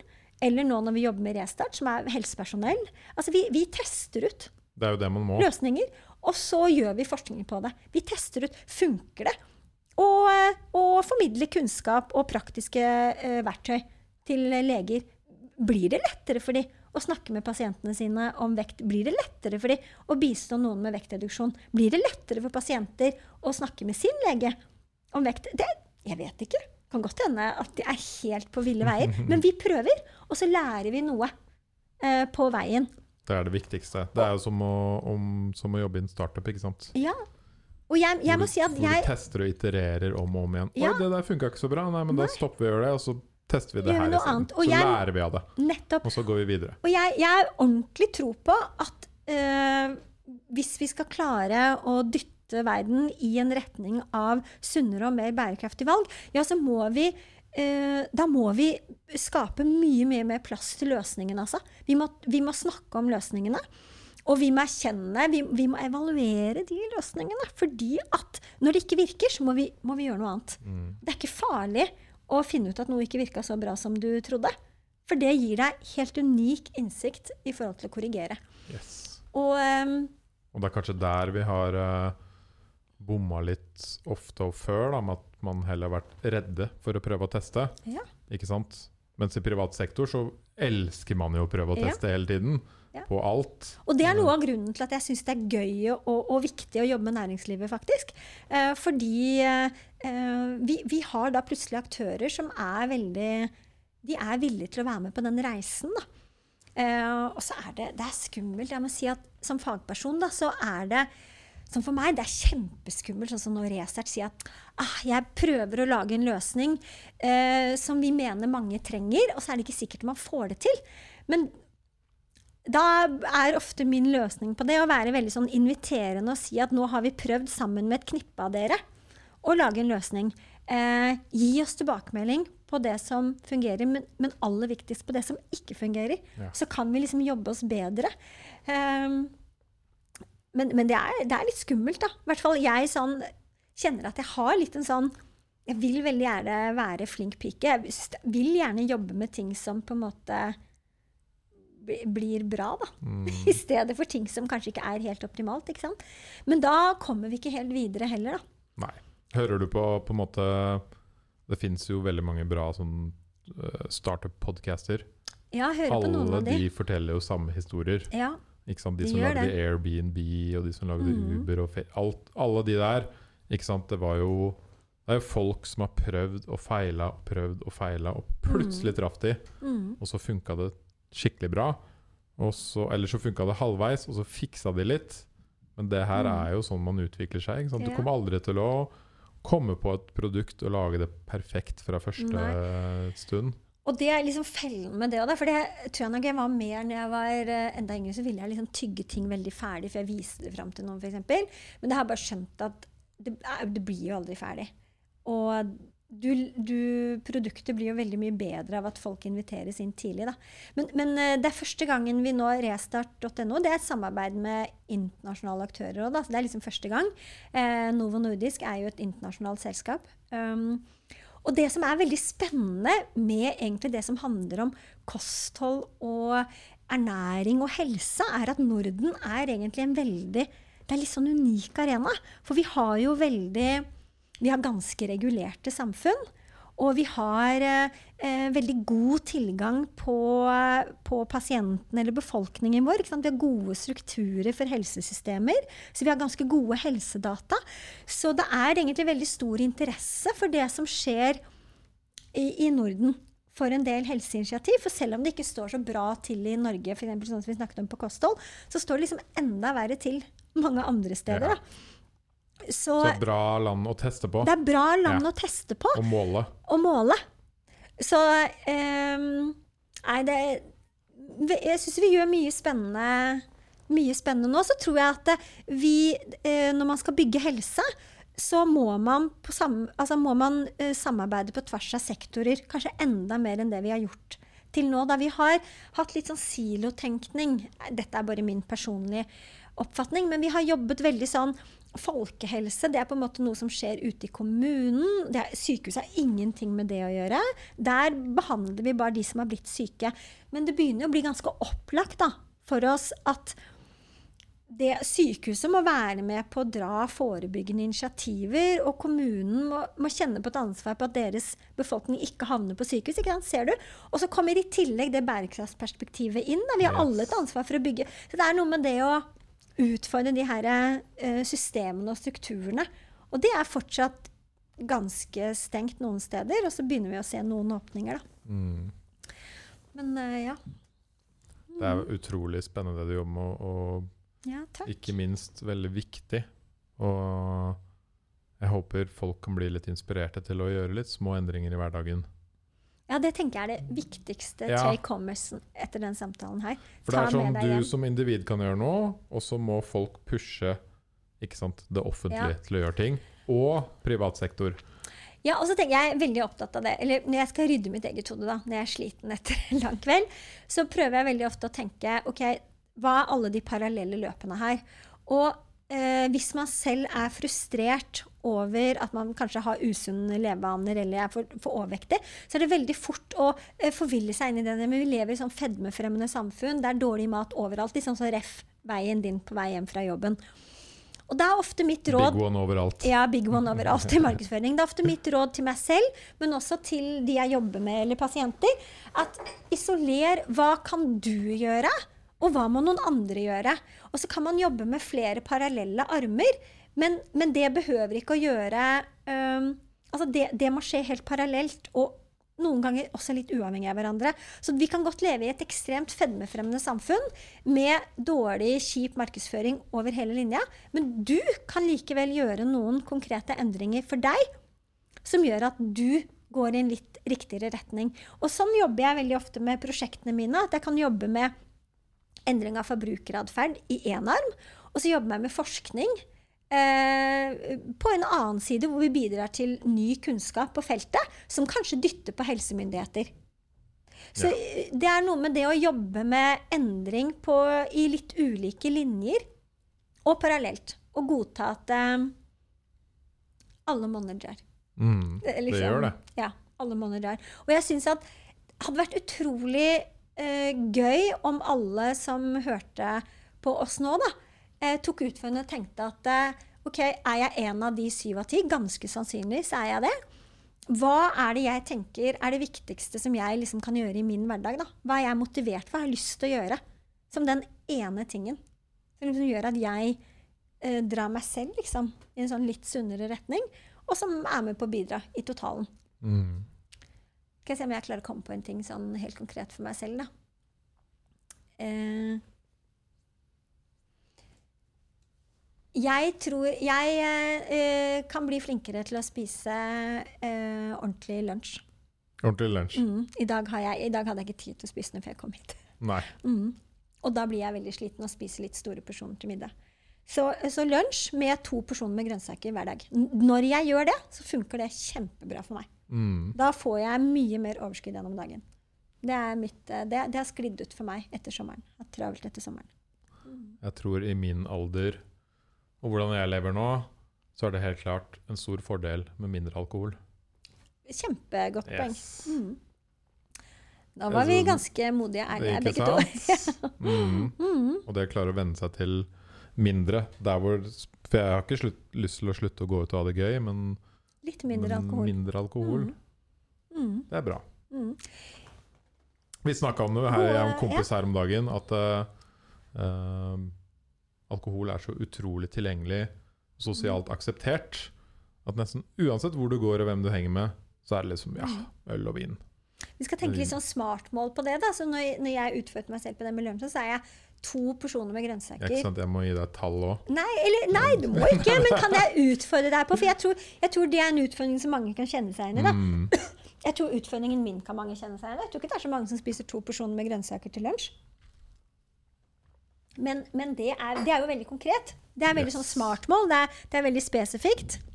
Hvis du velger to grønnsaker du er liker. Nei, altså, kun, kunne man liksom Kunne du sagt f.eks. at du skal ha kun tre dager i uken, eller begrenset til sånn alkoholenheter eller noe sånt? Altså, nå, Ikke må sant? ikke, men, men hvis du vil, så kunne du Det hadde kanskje gjort det litt lettere å få til. Det tror jeg. Kanskje. Jeg må tenke litt på det, men jeg, det, det. jeg har hatt sånne smartmål før rundt det. Mm. Det funker utrolig bra.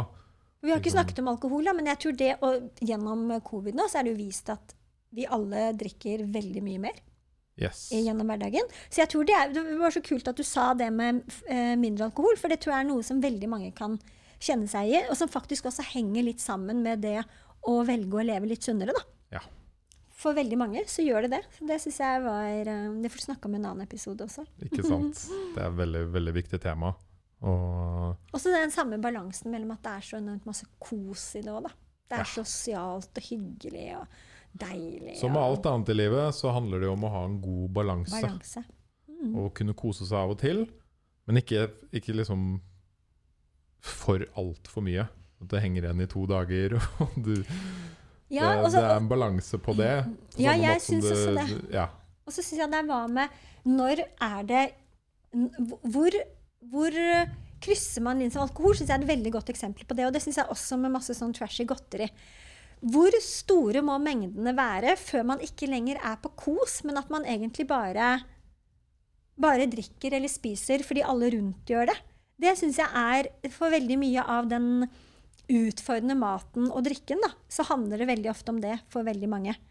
Uh, og jeg syns at både alkohol og sånn snacks og godteri og Så er det Når krysser du grensen for at det smaker vidunderlig, fantastisk, at du får virkelig nytelse, og at, det egentlig ikke Skjønner du? Jeg er veldig enig. Ja. Hvor krysser man seg? Jeg var på kino på søndag og bare Nå skal jeg ha en liten popkorn, og så skal dama ha litt godteri, og så kan vi dele. Ja. Men det fins ikke liten popkorn på kino. De er, altså, de er så store. Enorme. Gigantiske. mm. Og da, når du har den i fanget i en og en halv time, så Spiser sitter du bare og sluker, ikke sant. Mm. Men etter jeg var halvveis, så var det egentlig ikke så digg lenger. Nei, nei, og det, spiste. Ja. Jeg bare dytta det inn i meg. Og sånn tror jeg det er med veldig eller, det altså viser forskning da, at det eh, nyter så, sånn Når vi spiser mat som er rik på fett, salt og sukker, så frigjøres det virkelig lykkehormoner. Ja. Det gjør noe med oss.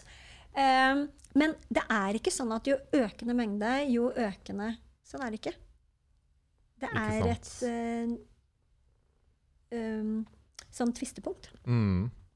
Og det tenker jeg er eh, det, det kan for veldig mange, inkludert meg selv, da, være en viktig ting å være bevisst. Fordi at det eh, smaker Smaker det bedre med en halv boks med is enn eh, to små kuler? Mm. Når er på en måte nytelsesperspektivet? da? Når er det egentlig litt borte? Og når spiser jeg bare mer fordi det står framme? Når drikker du bare mer fordi det er der? Ja. Og da er vi igjen helt tilbake til starten med at uh, Ikke sant? Design og tenk på hva du har i hjemmet ditt. Mm. Og Har du to sjokoladeplater hjemme, så spiser du mye mer sjokolade. Og jeg kjøper jo bare sånn dødsmørk sjokolade. Mm. Fordi da trenger du bare to biter, og det syns alle vennene mine. Og bare, sånn, «Ah, det, jo, Det holder. Mm. Ikke sant? Det holder. Uh, har du uh, kjøleskapet f.eks. også fullt av øl og vin, Ja. og kjøttdeig og godteri, så er det jo det du det dytter du- i deg hver det dag. Mm. Har du treningsklærne ved siden av senga, så er sjansen større for at du trener. Mm. Ja, og, og jeg vet ikke om det er sånn for deg, da, men for meg så er det, og det er så gjort, også, gjort mye forskning på, at um, det er sånn dominoeffekt på valg. At uh, hvis, du, hvis du er fornøyd med ett valg du har gjort, så uh, er vår uh, emosjonelle barriere den er redusert for å ta neste valget. Og det, det betyr f.eks. For, for meg, da, hvis jeg, for meg, jeg syns det er fantastisk deilig å løpe i skogen på lørdag morgen. Ekstra hyggelig om jeg kan gjøre det med kjæresten min eller barna mine. Og hvis jeg har fått til det, så er terskelen min for å ville ha en sånn deilig, men også sunn lunsj, den er større. Yes.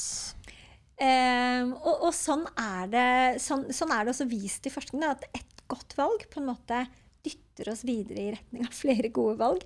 Så, et, et annet relevant valg er sånn Hvis du var på hardfylla i går og våkner opp med dårlig søvn, så spiser du sannsynligvis noe skikkelig junky, Nettopp. trashy mat. Alle Nettopp. kjenner seg igjen i det. Ja.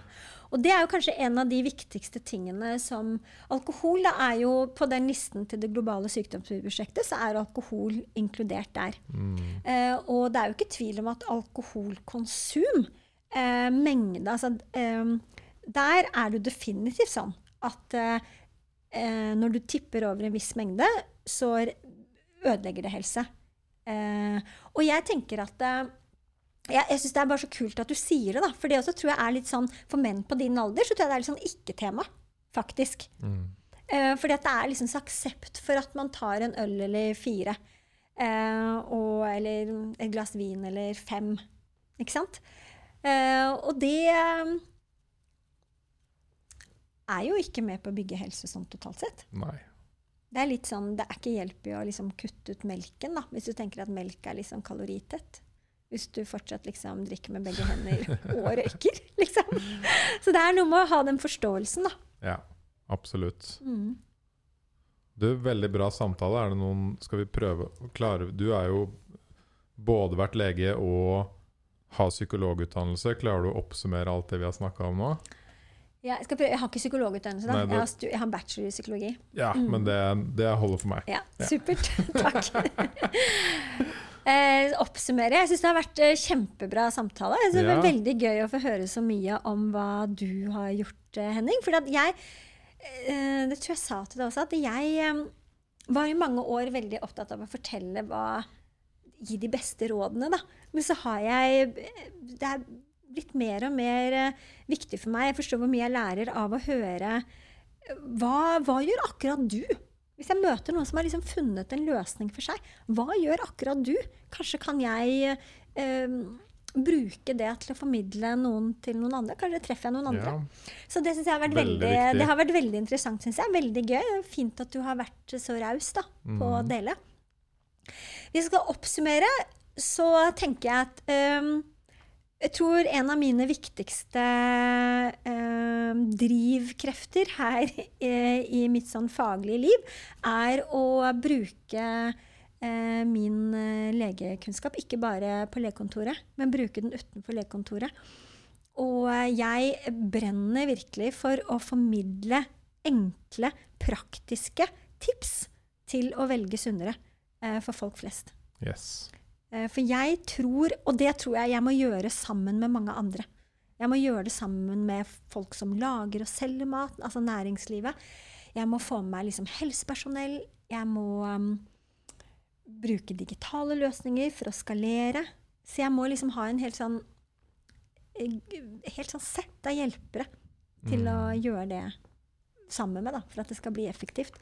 Så det lege utenfor legekontoret er på en måte um, Ja, det er viktig i mitt uh, yrkesaktive liv, da. Mm. Og så um, det her med Hvis man selv skal Hvis du nå sitter og lytter og tenker at nå er jeg søren meg blitt inspirert, jeg skal, jeg skal gjøre noen grep, Så uh, gjør akkurat det. det er, gjør, det du gjør av små ting i eget liv, har store, har store effekter Yes. på helse og livskvalitet. Sett deg ned og regn ut hvor mange pølser du spiser i måneden, og hvor mange pølser det er på ti år, Mm. og hva som hadde skjedd hvis du hadde bytta det ut med en avokado. Ja. Mm. Do that math. Super, Tusen Veldig takk. bra. Tusen takk for besøket. Hvis folk vil eh, lese om de to prosjektene du holder på med, Ja, bare gå inn på greenedge.org, yes, så står alt vi gjør. greeners.org og eh, Restart.no. Ja, takk for at du minte meg om det. Den åpnes eh, 23.11. Ja. Så har, vil du ha sånn tips om hvilke små endringer du kan gjøre, så finner du det der. Dødsbra. Mm. Og den siste var de med barn. Ja, det er sunnere barn.no. Sunnere Men du finner alt på Greenwich. Alt er på Greenwich. Veldig bra. Tusen takk for besøket dag Tusen takk for at jeg fikk komme.